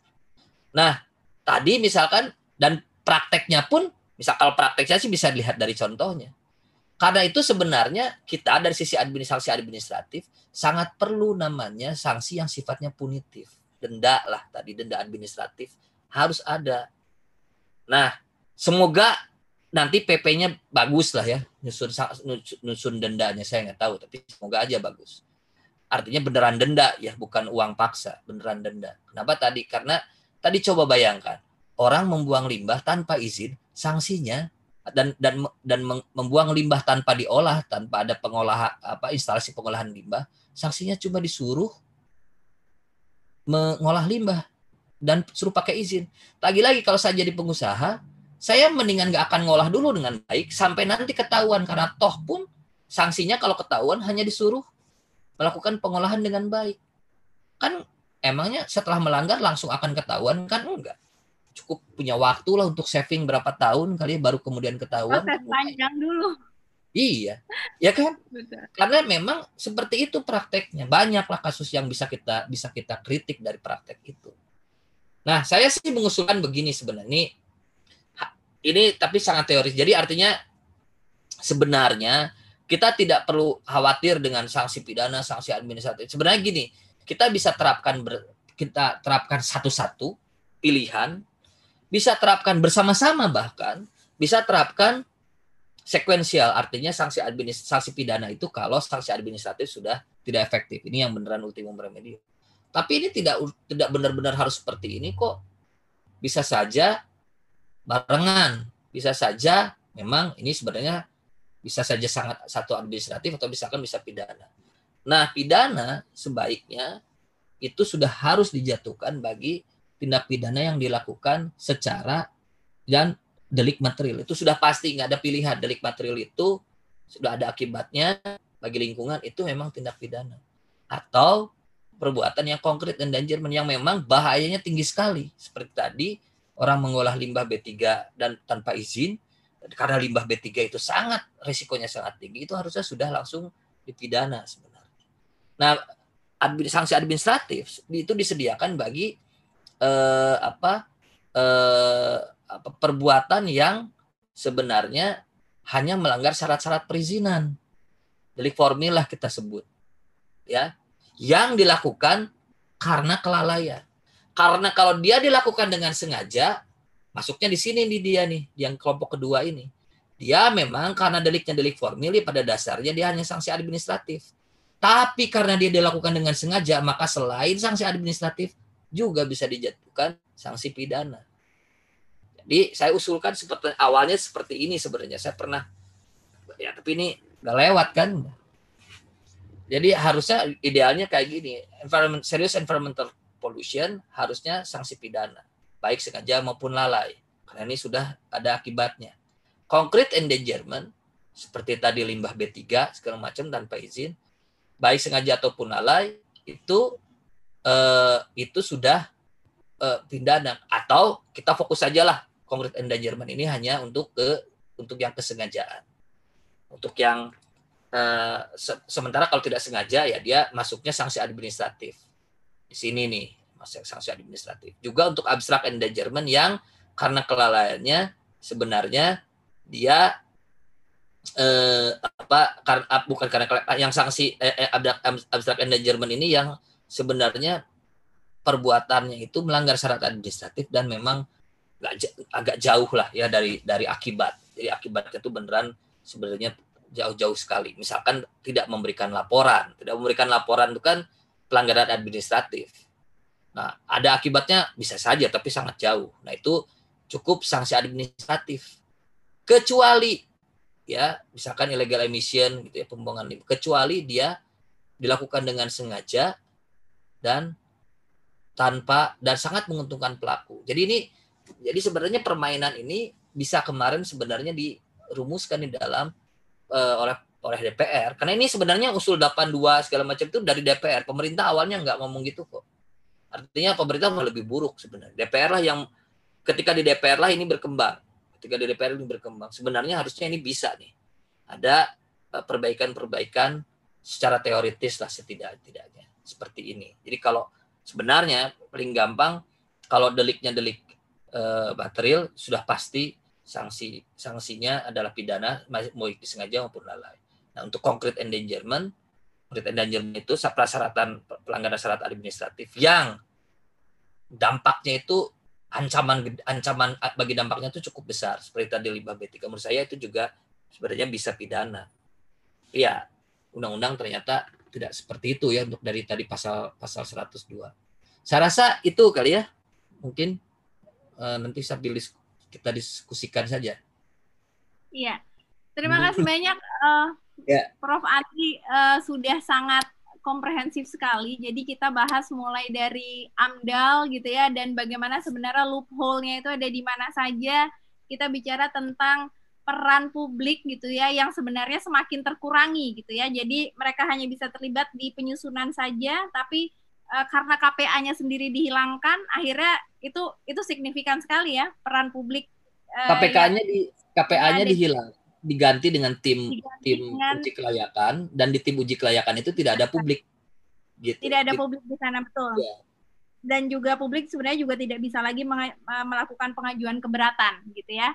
Dan ya, kita tidak, tadi ya. sudah sudah kupas sudah kupas tuntas juga terkait dengan izin lingkungan, izin lingkungan yang sebenarnya sudah tidak ada uh, diganti menjadi izin usaha gitu ya. Tetapi memang di sana ada persetujuan lingkungan, tapi banyak tapi itu ternyata kalau kita breakdown banyak sekali juga permasalahannya di sana. Terus kita tadi juga uh, banyak sekali bicara tentang konsep sanksi mulai dari sanksi administratif sampai sanksi pidana. Strict liability kita juga sudah sempat bahas. Nah ini ada satu pertanyaan nih uh, ada dua pertanyaan ya mungkin uh, setelah ini akan saya bacakan.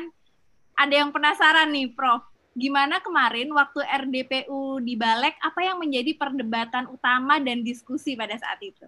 Ada yang pengen dapat uh, bocoran? enggak enggak saya tidak tahu itu tapi saya pernah diundang saya pernah diundang dan saya pernah paparkan nah ini memang memang ada berdiri juga menurut saya kita juga harus fair bahwa memang ada perubahan dari yang dari sisi sanksi terutama dari dari draft Februari ke sekarang itu banyak berubah kan tadi dulu di semua undang-undang ketika bicara soal sanksi administratif di draft Februari ya selalu ya sorry maaf ketika berbicara soal sanksi pidana selalu dia akan bilang begini untuk perbuatan ini tindakan ini tindakan ini yang adalah tindak pidana sebenarnya maka sanksinya adalah denda administratif. Dulu tuh gitu. Jadi harus bayar denda dulu. Kalau dia tidak bisa bayar denda ayat 2 nya tuh dia akan dipenjara nah okay. ini saya kritik. Ada dua hal yang perlu dikritik. Pertama rumusan seperti eh, ada tiga lah. Pertama rumusan seperti itu memasukkan sanksi administratif di dalam pasal sanksi pidana itu ya salah gitu salah salah tempat gitu ya. Itu sanksi itu beda beda kamar. Kedua jadi lebih konseptual nih ya bahwa e, secara konseptual menghilangkan denda denda pidana ya karena sanksi untuk pidananya itu jadi hanya penjara itu sama saja dengan menghapus kemungkinan pertanggungjawaban korporasi. Karena kan korporasi nggak mungkin dipenjara. Korpor makanya ada kata dan di situ itu untuk korporasi sebenarnya. Dan denda itu, itu untuk korporasi si si dendanya itu. Ketika si dendanya itu dihapus, berarti sanksinya hanya penjara, maka tidak mungkin lagi ada pertanggungjawaban pidana korporasi. Kan? Yang ketiga adalah ya kalau orang masuk penjara hanya hak kalau penjara hanya disediakan jika seseorang pelanggar itu tidak mampu membayar sanksi administrasi, denda administrasi, itu sama aja bilang bahwa penjara bagi orang yang nggak punya duit. Kan gitu kan? Karena kalau dia bisa punya duit, dia bisa bayar denda, dia nggak masuk penjara. Konsep yang keliru sebenarnya ini bukan ultimum remedium, saya bilang ini fatal. Dan pokoknya saya nggak tahu apa yang terjadi, tapi itu di, dikembalikan, itu semua di, di, dikembalikan, di di RDPU itu pokoknya sepertinya di memang ditolak dan ditolak ya bunyi pasal itu tuh ditolak bunyi perumusan pasal pidana yang semacam itu ditolak oleh oleh oleh DPR sehingga kejadianlah seperti ini pasal pidananya banyak sebenarnya mayoritas pasal pidananya di pasal pidananya dikembalikan ke uh, undang-undang existing termasuk undang-undang lingkungan. Ya. Dan tadi juga sudah banyak uh, digambarkan ya bagaimana sebenarnya ada uh, ada niatan-niatan yang uh, sangat clear sekali di uh, naskah akademiknya meskipun untungnya itu uh, tidak tertuliskan gitu ya di uh, versi yeah. final yang yeah. kita dapat yang versi yeah. 800 ya kalau nggak salah yeah. ternyata memang sudah, yeah. ada beberapa perubahan. Yeah. Tapi ini kan ini kan menjadi sebuah proses yang sangat dipertanyakan ini niat awalnya apa nih? Kok uh, naskah akademik saja sudah punya niatan yang seperti itu gitu. Dan ini ini yang memang uh, banyak sekali mengundang kontroversi ya. Jadi kita bicara tadi mulai dari amdal gitu ya.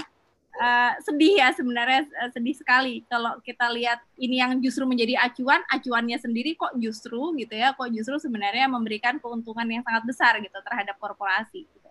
bahkan nyaris menghilangkan tadi kenapa sanksinya diutak-atik gitu kalau ya. misalkan ya. memang tujuan utamanya adalah bicara tentang penyederhanaan izin gitu Prof ya ya kalau saya jadi tadi kok ya uh, untuk yang uh, apa misalkan untuk yang tadi untuk yang circlability udah jelas lah itu ada di ada di naskah ya. akademik saya yang bikin juga salah satu yang bikin saya kecewa sebenarnya dengan naskah akademik adalah ada kata-kata begini ada anggapan bahwa masyarakat LSM itu menghambat investasi karena banyak proses konteks lingkungan. Ada loh kata-kata itu dan itu tidak dibantah coba bayangin. Kan harusnya tapi pandangan kalau saya kalau saya jadi penulis naskah akademik saya akan bilang ada pandangan ini tapi pandangan ini nggak benar gitu. Kan gitu kan? Dia nggak dia dia tidak dia tidak me, dia tidak membantah itu sehingga menurut saya memang itu yang ada di benak mereka dan memang itu yang sebenarnya justru ingin diamankan gitu kan. Iya. karena itu kenapa keluar pasal-pasal itu? Karena mereka iya. sebenarnya membaca karena biasanya yang kita gugat gitu ya yang kita gugat tuh sebenarnya adalah izin lingkungan ya memang. Iya iya. Iya gitu. Jadi, jadi itu jadi betul betul betul. Ribet nih udahlah gitu diinin aja gitu. Jadi ada loh kata-kata itu di di naskah akademik. Saya bilang ini kok ada ya oh, pemerintah membuat membuat undang-undang karena takut dengan rakyat, curiga dengan rakyatnya. Ini di yeah. akademik itu kelihatan loh kecurigaan. Kalau rakyat curiga dengan pemerintahnya wajar gitu ya. Kalau pemerintah curiga dengan rakyatnya bingung dan saya. Justru, betul dan justru sebenarnya pemerintah curiga dengan rakyatnya dan kemudian mereka melakukan uh, apa namanya justru membuat regulasi-regulasi yang melindungi investasi dan korporasi itu tadi gitu. Justru yang dilindungi bukan rakyatnya yang selama ini bersuara karena terkait Betul. dengan. Wah, saya pernah uh, buat tulisan sebenarnya. Yang dilindungi berbeda nih. Ya. Saya pernah buat tulisan, terus kemudian saya bilang, ya udah ini eh, karena bisa jadi saya salah ya, tolong dikoreksi nanti. Maaf lah kalau saya salah. Tapi ngeri juga loh ada pasal ada ada naskah akademik yang bilang kayak gitu tuh ngeri loh. Jadi dia tidak iya. dia tidak dia tidak membantah. Jadi dia nulis itu ada ditulisnya bahwa investasi ini dihambat oleh rakyat, oleh masyarakat gitu ya. Ada uh, persoalan lingkungan ini menjadi penghambat gitu ya, menjadi penghambat menjadi penghambat uh, investasi dan itu tidak di tidak dibantah gitu ya. Sehingga memang ya ya sudah, ini memang tujuannya gitu membuat itu. Nah, jadi ada memang ya kita juga harus akui lah ada memang perbaikan ada, bukan perbaikan ada perubahan. Ya menjadi lebih baik sedikit lah ya. Tapi masih mengecewakan karena niat awalnya juga nggak jelek. Eh nggak nggak bagus kan niat awalnya juga jelek. Dan ada beberapa beberapa hal yang memang akan krusial tadi soal isi lingkungan dihapus tapi ada ada banyak sistem yang tadi saya juga sudah terangkan. Sistemnya jadi berantakan ini gitu ya. Uh, nah uh, tapi ya tadi yang juga malah bikin marah dan bikin kesal adalah per perancangnya ini yang awal perancang awal ini kan pemerintah. Niatnya kok seperti apa kok seperti itu ya naskah keluarnya. Terus kemudian saya pernah ber, tadi berdiskusi di beberapa minggu lalu di, dengan PS, di webinar di PSHK bikin PSHK ada dari pemerintah begitu bilangnya sanksi administratif kalau orang nggak punya izin ya kasih kasih izin suruh suruh suruh suruh suruh suruh apa? Disuruh misalkan dia lagi apply izin izinnya belum keluar tapi ini sudah sudah ada desakan sehingga operasinya jalan. Tanpa izin artinya kan? Ya sudah nanti sanksinya adalah dia disuruh ngurus izin supaya dapat izin. Nah, itu bukan bukan sanksi ya. Itu bukan sanksi. Sanksi itu kan harusnya menghukum ya. Itu ini pemutihan oh, ya, ya udah diurus saja diurusin lo izinnya. Gila gitu itu iya iya iya. dan itu keter, saya meskipun tadi saya katakan ada jenis sanksi-sanksi administratifnya. Kalau sanksi administratifnya semacam itu ngeri nggak sih? Ngeri kalau saya. Jadi ini benar betul betul betul sebenarnya kalau misalkan sekarang oke okay lah protes kita protes protes protes. Sudah syukur-syukur keluar perpu dibatalkan kalau enggak ya cara apa gitu. Kalau saya sih ya ya mau nggak mau ya akan di lawan lewat eh, Mahkamah Konstitusi karena itu mau apa lagi gitu ya. Kalau kalau lewat Perpu nggak mau gitu segala macam. Kalaupun misalkan di sisi lain kita juga harus kemungkinan terburuknya mau nggak mau dia PPP yang PPP yang akan dibuat juga nggak bisa sembarangan. Karena kalau nggak beneran loh. Eh, ketika PP-nya tidak ada jaminan tadi ada kekhawatiran-kekhawatiran saya justru malah terwujud ngeri. Jadi itu harus kita juga mau nggak mau siap-siap untuk ngawal itu atau juga misalkan kalau saya sih jalan teruslah gugatan-gugatan uh, gugatan-gugatan terhadap izin lingkungan selama ini terhadap izin usaha jalan terus dengan ber, tentu saja kita lebih harus lebih lebih hati-hati dan bukan lebih hati-hati lebih lebih keras usahanya. Karena undang-undang ini memberikan hambatan yang cukup besar bagi bagi aktivitas eh, bagi masyarakat kontribusi masyarakat LSM untuk perlindungan lingkungan Ya. Jadi usaha kita akan lebih keras. akan lebih sulit sebenarnya perjuangan ke depannya gitu ya. Sulit, akan, akan jauh lebih sulit.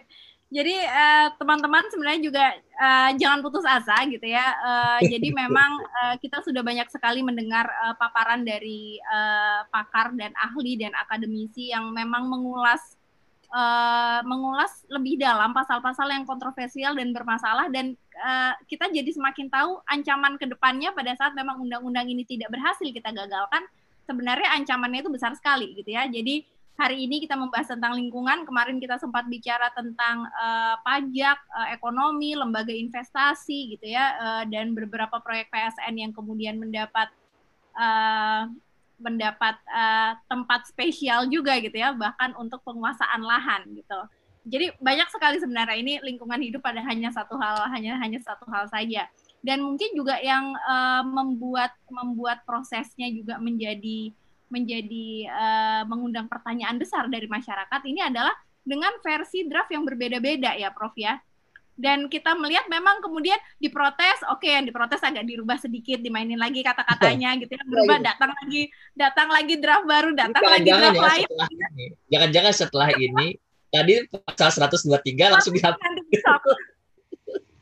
Karena pasal 123 kan bilang harus ada izin lingkungan ini dihapus pasal 60 dihapus jangan-jangan tapi ya coba kalau nggak dihapus kan unik itu unik itu izin lingkungannya udah dihapus tapi pasal 123 ini masih ada kan? Unik. Masih ada. Ya, betul. ya, dan dan yang itu kan antara B3 dengan uh, antara B3 justru justru ya. uh, sanksi administrasi gitu ya. Sedangkan ya. yang yang penyebaran biasa dapetnya pidana gitu loh. Ya. gimana ini? Ya itu nah jadi memang menandakan ada proses yang buru-buru juga gitu ya. Dan yeah. ada ini agak sedikit tricky nih gitu. Wah ini yang yang di yang yang di banyak diprotes yang ini keluar lagi versi berikutnya dirubah sedikit-sedikit di bagian sini situ. Cuma kan kita yang mempelajari juga PR juga nih.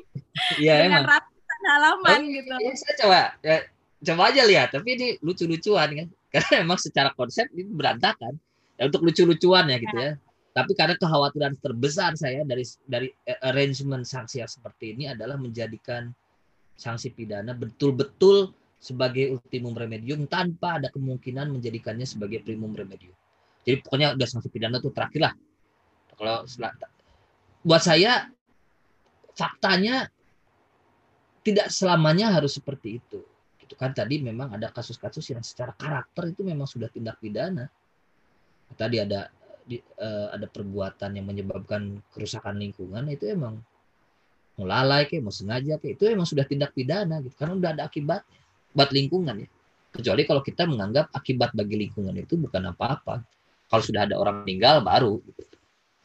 tapi kan bukan begitu itu konsep yang seperti itu udah ditinggalkan lama gitu. Merusak lingkungan itu dianggap sebagai sebuah delik. Sudah delik material sudah sudah ada akibatnya. Tanpa harus menunggu orang orang meninggal. Itu udah sejak lama udah lama, lama lah itu di banyak negara juga. Dan kita juga udah mengakui itu sejak lama. Jadi tidak tidak harus menunggu ada korban manusia baru kemudian itu jadi tindak pidana. Korbannya lingkungan pun itu sudah tindak pidana. Nah eh, apa saya khawatir gitu arrangement, arrangement itu menjadi ekstrim eh, ekstrim apa eh, ultimum remedium seperti eh, Undang-Undang 2397. Nah, saya ingin cerita gitu. Ini sejarahnya lah ya, yang mungkin saya eh, apa saya dapat sedikit sedikit ya mungkin bisa jadi saya keliru, tapi kira-kira seperti itu. Kenapa pasal ultimum remedium di Undang-Undang 32 2009 ultimum remedium itu artinya pidana sebagai usaha upaya terakhir ya. Setelah sanksi yang lainnya nggak berhasil, baru pidana itu sebenarnya. Ya, setelah sanksi yang lainnya tidak efektif baru pidana. Nah, itu ultimum remedium. Kalau yang primum remedium pidana itu bisa dijadikan sebagai sanksi pertama kalau terjadi pelanggaran. Nah kenapa di undang-undang 32 2009 defaultnya itu adalah primum remedium jadi kalau tindak pidana itu sudah sudah kalau ada perbuatan melanggar dan melanggar lingkungan lah ya melanggar syarat-syarat lingkungan itu juga sudah langsung pidana gitu ya primum remedium nah ultimum remediumnya hanya jika dia melanggar baku mutu emisi, baku mutu efluen. Kalau itu melanggar, itu syarat sanksi administratif dulu. Melanggar yang kedua, baru pidana. Jadi itu. Kenapa seperti itu arrangementnya? Nah ini kita bandingkan dengan Undang-Undang 23 2097. Di Undang-Undang lama, arrangementnya itu meskipun ada pidana, ada sanksi pidana, tetapi sanksi pidana itu hanya akan dilakukan jika sanksi yang lainnya tidak efektif. Betul-betul dia menjadi apa ya menjadi uh, sanksi yang sanksi yang terakhir. Atau jika ada ancaman yang sangat besar bagi lingkungan. Ancamannya besar bagi lingkungan barulah pidana susah sekali Undang-Undang 2397 untuk menerapkan pidana. Padahal itu kan jadi aneh ya. Orang eh, disanksi di perbuatan pidana. Oh, orang menghina orang lain aja nyala gitu ya. Perbuatan tidak menyenangkan saja itu sudah pidana loh, sudah bisa dipidana kan orang sering gugat-gugatan itu kan artis-artis segala macam gitu. Kan. Nah, ini ada orang yang uh, ada orang yang melakukan perbuatan yang sudah ada dampak uh, lingkungannya, dampak bagi orang lain, itu belum belum tentu pidana. Di ya, undang-undang di undang-undang 2397 dia hanya pidana jika sanksi administratif tidak tidak efektif, jadi sudah ada sanksi administratif atau jika dampaknya besar sehingga masyarakat resah. Itu itu nah apa kesulitan kesulitannya memang jadi waktu itu sangat jarang sanksi pidana. Gitu ya, sangat jarang sanksi pidana bahkan misalkan termasuk untuk kebak kebakaran hutan. Karena orang membakar lahan ya itu belum tentu belum tentu tindak pidana. Memang memang itu bisa dipidana tapi harus dilihat dulu sanksi yang lain. Sudah pernah dikasih sanksi atau dulu kalau sanksi yang lain belum pernah dilakukan ya nggak pernah nggak bisa dipidana. Sehingga jarang sekali dulu dipidana. Nah puncak-puncaknya kekhawatirannya ketika kasus Nyoman Minahasa. Nyoman Minahasa itu salah satu yang mem membebaskannya adalah menurut saya nih ya dan menurut persepsi saya yang saya tangkap dari perdebatan waktu itu memang uh, uh, dia memang belum pernah kasih, belum pernah diberikan sanksi administratif sehingga memang tidak kena nih. Ultimum remediumnya. Syarat ultimum remedium tidak bisa. Sementara untuk menjadi sanksi pidana yang utama yaitu berupa primum yaitu untuk primum remedium itu harus sanksi ada keresahan masyarakat lah segala macam. Dan itu perlu pembuktian. Pokoknya akhirnya pembuktiannya agak susah ya tidak bisa artinya bebas lah ya. Kalah lah si uh, apa, uh, uh, kasus pidananya. Oh, iya kalah negara kalah. Nah atas dasar itulah berubah pasal 32 eh, di pasal-pasal pidana di Undang-Undang 32 2009 jadi oke okay, kalau udah kalau udah delik material sebenarnya harusnya udah langsung pidana nggak usah lagi ada syarat-syarat seperti syarat syarat di undang di undang-undang lama Nah, tapi kemudian ada muncul pertanyaan, oke, okay, kalau kayak gitu delik formil, apakah delik formil langsung pidana? Nah, terus kemudian terjadilah perdebatan karena ada beberapa delik formil tertentu yang juga memang harusnya sudah langsung dipidana. Contoh gini, membakar lahan. Itu kan delik formil. Membakar itu kan delik delik formil. Apakah sudah langsung bisa dipidana? Harusnya sudah. Tanpa menunggu akibatnya gitu. Orang membuang limbah B3 apakah tanpa izin apakah sudah atau tidak sesuai dengan prosedur, apakah sudah bisa dipidana? Harusnya sudah orang limbah B3 kok ancamannya besar. Nggak perlu tunggu akibatnya. Gitu kan?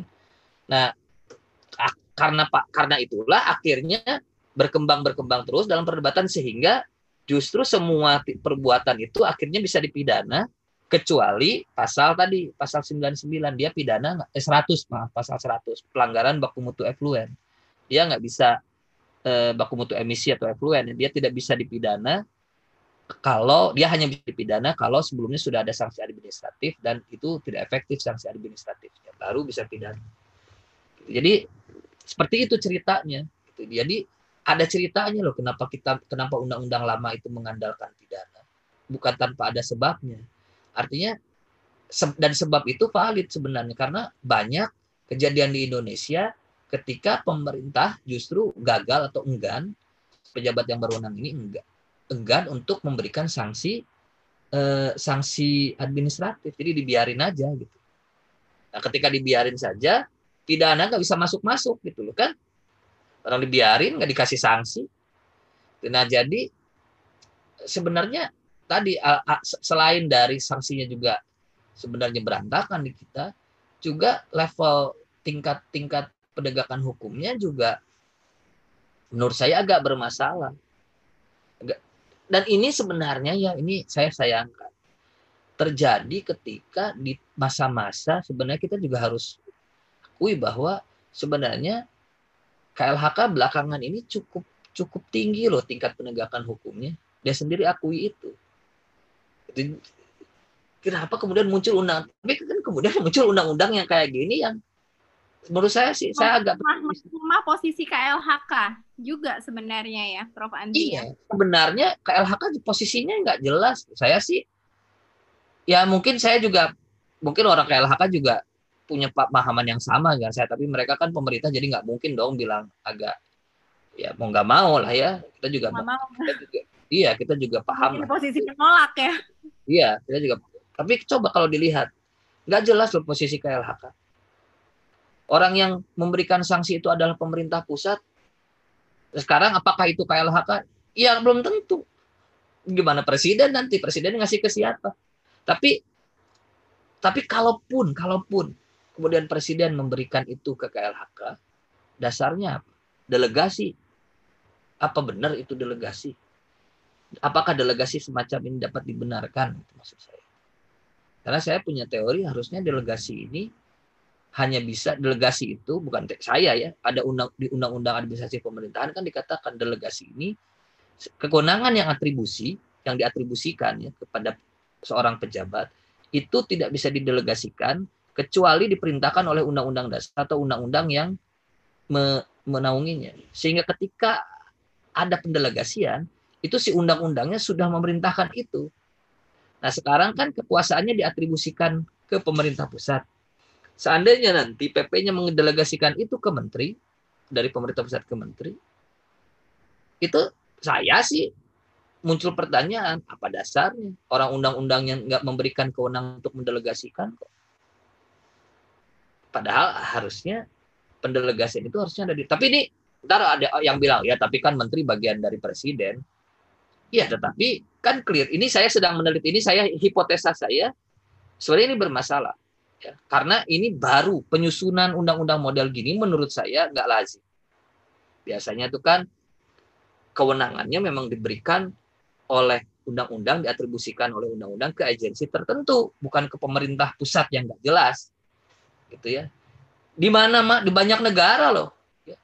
di, di agensinya dijelaskan oleh IPE misalkan itu jelas-jelas di Amerika jelas-jelas dalam banyak undang-undang diberikannya untuk federal ya ke IPE Jelas-jelas agensinya disebut.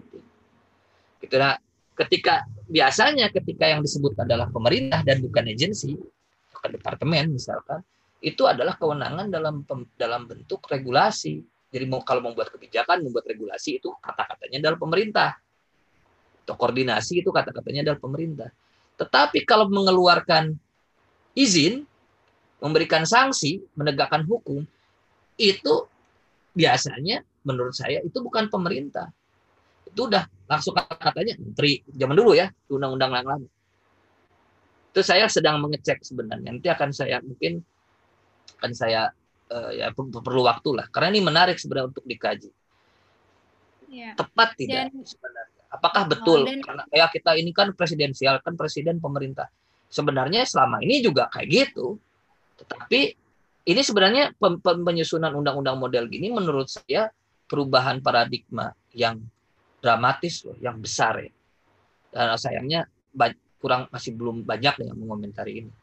Nah, saya sendiri yang tidak punya keahlian di situ ini sedang sedang coba lah untuk iseng-iseng nanti kalau saya, saya lihat saya akan bandingkan bagaimana undang-undang yang lama selama ini seperti apa sih kekuasaan itu dibagi-bagi di antara presiden dan menteri. Boleh nggak sih sebenarnya undang-undang pembagian model kayak gini dan tanpa ada kejelasan delegasi nanti aja di PP-nya disebutkan.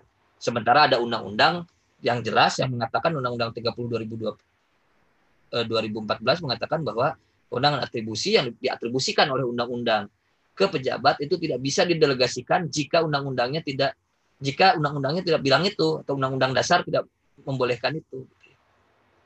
Ini sebenarnya itu permasalahan. Artinya gini lah, kalaupun boleh, oke boleh kok. Oke, itu nggak usah berdebat teori deh gitu. Kita faktanya bisa bilang aja ini bisa diatribusikan ke KLHK. Tadi sejauh mana sih KLHK-nya sekarang akan dikasih kesempatan itu, akan dikasih kewenangan itu saya nggak tahu.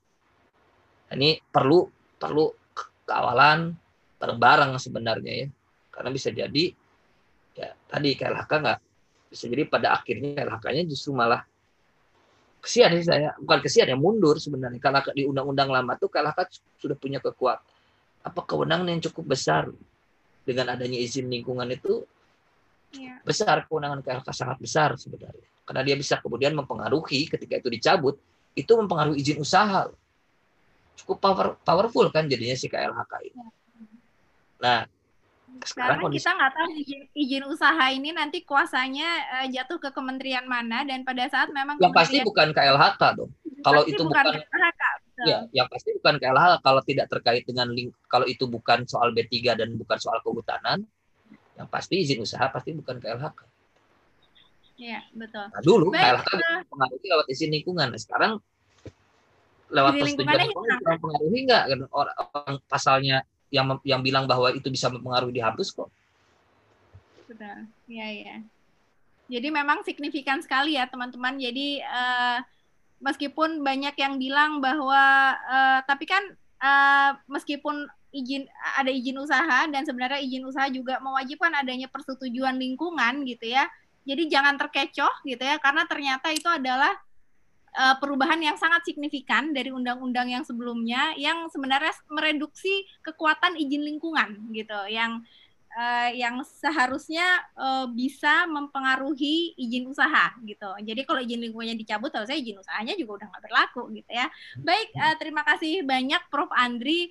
Kita sudah hampir dua jam ngobrol-ngobrol. Uh, sorry sorry kalau kelamaan. Oh, nggak apa-apa. Ini uh, memang materinya menarik sekali dan penjelasannya juga sangat komprehensif. Uh, dan ini akan semakin memperkaya lagi, memberi modalitas yang sangat besar untuk perlawanan teman-teman dan pemahaman teman-teman tentang bagaimana sebenarnya omnibus law ini bahaya nggak sih gitu ya. Nah, uh, saya sebelum ditutup, saya minta Prof. Andri untuk kasih closing statement gitu ya, closing statement, tetapi juga sekaligus menjawab ada pertanyaan terakhir nih.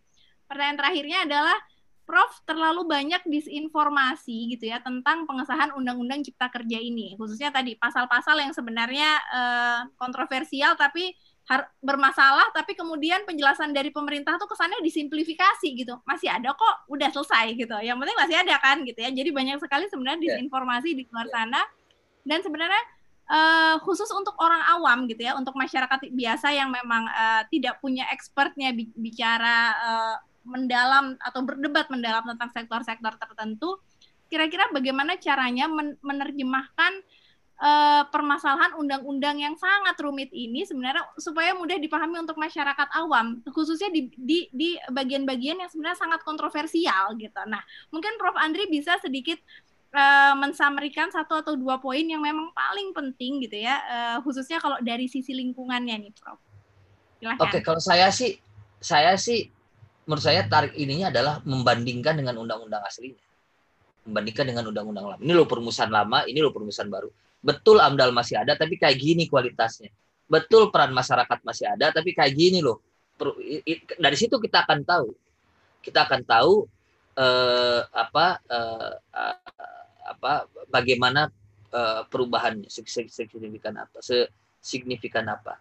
Nah, Khusus untuk lingkungan sebenarnya pasalnya tidak terlalu banyak kebetulan sekarang kan. Jadi kita bisa lihat di situ ada ada beberapa pasal yang krusial tuh ya tadi soal AMDAL, soal uh, izin usaha berubah jadi izin izin lingkungan berubah izin jadi perizinan persetujuan lingkungan, terus pasal tentang pembuangan limbah yang pasal pasal 5961 pasal 5961 terus pasal krusial itu ada sanksi administratif yang ada di pasal 82 82 ABC karena ini ditambah ada pasal baru pasal 82 ABC.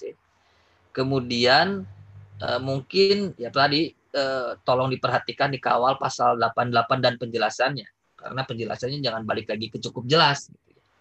Karena kalau balik lagi ke cukup jelas ya muncul lagi itu kekhawatiran soal ini strict liability jadi strict liability atau bukan. Kemudian uh, udah itu aja sih sebenarnya yang paling krusial lah ya. Nah, itu uh, menurut saya tapi gini, apa kalau misalkan tadi kekhawatiran saya paling besar juga adalah soal uh, tadi ultimum remedium gitu ya pidana menjadi benar-benar di uh, kesampingan bahkan untuk sesuatu yang memang nggak harusnya sebenarnya udah pidana gitu ya. seperti delik delik material dan dan dan pasal tentang uh, pembuangan limbah B3 tanpa izin. Nah, yang tentu saja concern terbesarnya adalah peran serta kita menjadi sangat dibatasi peran aktif kita yang sebenarnya sudah maju ini kan kita nih. Eh, keterlibatan masyarakat, keterlibatan baik individu, eh, individu eh, masyarakat ya individu per individu yang akan terkena dampak ataupun pemerhati lingkungan akademisi seperti saya. Itu kan sebenarnya sudah cukup maju diakui hak-hak proseduralnya di dalam undang-undang lama dan itu secara signifikan di, dipangkas dikurangi janganlah jangan salah hak-hak prosedural ini sangat penting. Hak-hak prosedural ini sangat penting sebagai bagian dari perlindungan hak atas lingkungan yang baik. Jadi hak atas lingkungan yang baik itu salah satunya diwujudkan dengan perlindungan hak prosedural semacam ini.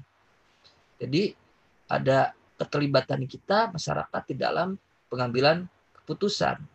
Ketika itu di di, di, di dikebiri lah, dikebiri nyaris hilang gitu ya, dipangkas nyaris hilang, maka kita dalam ancaman yang cukup besar sebenarnya.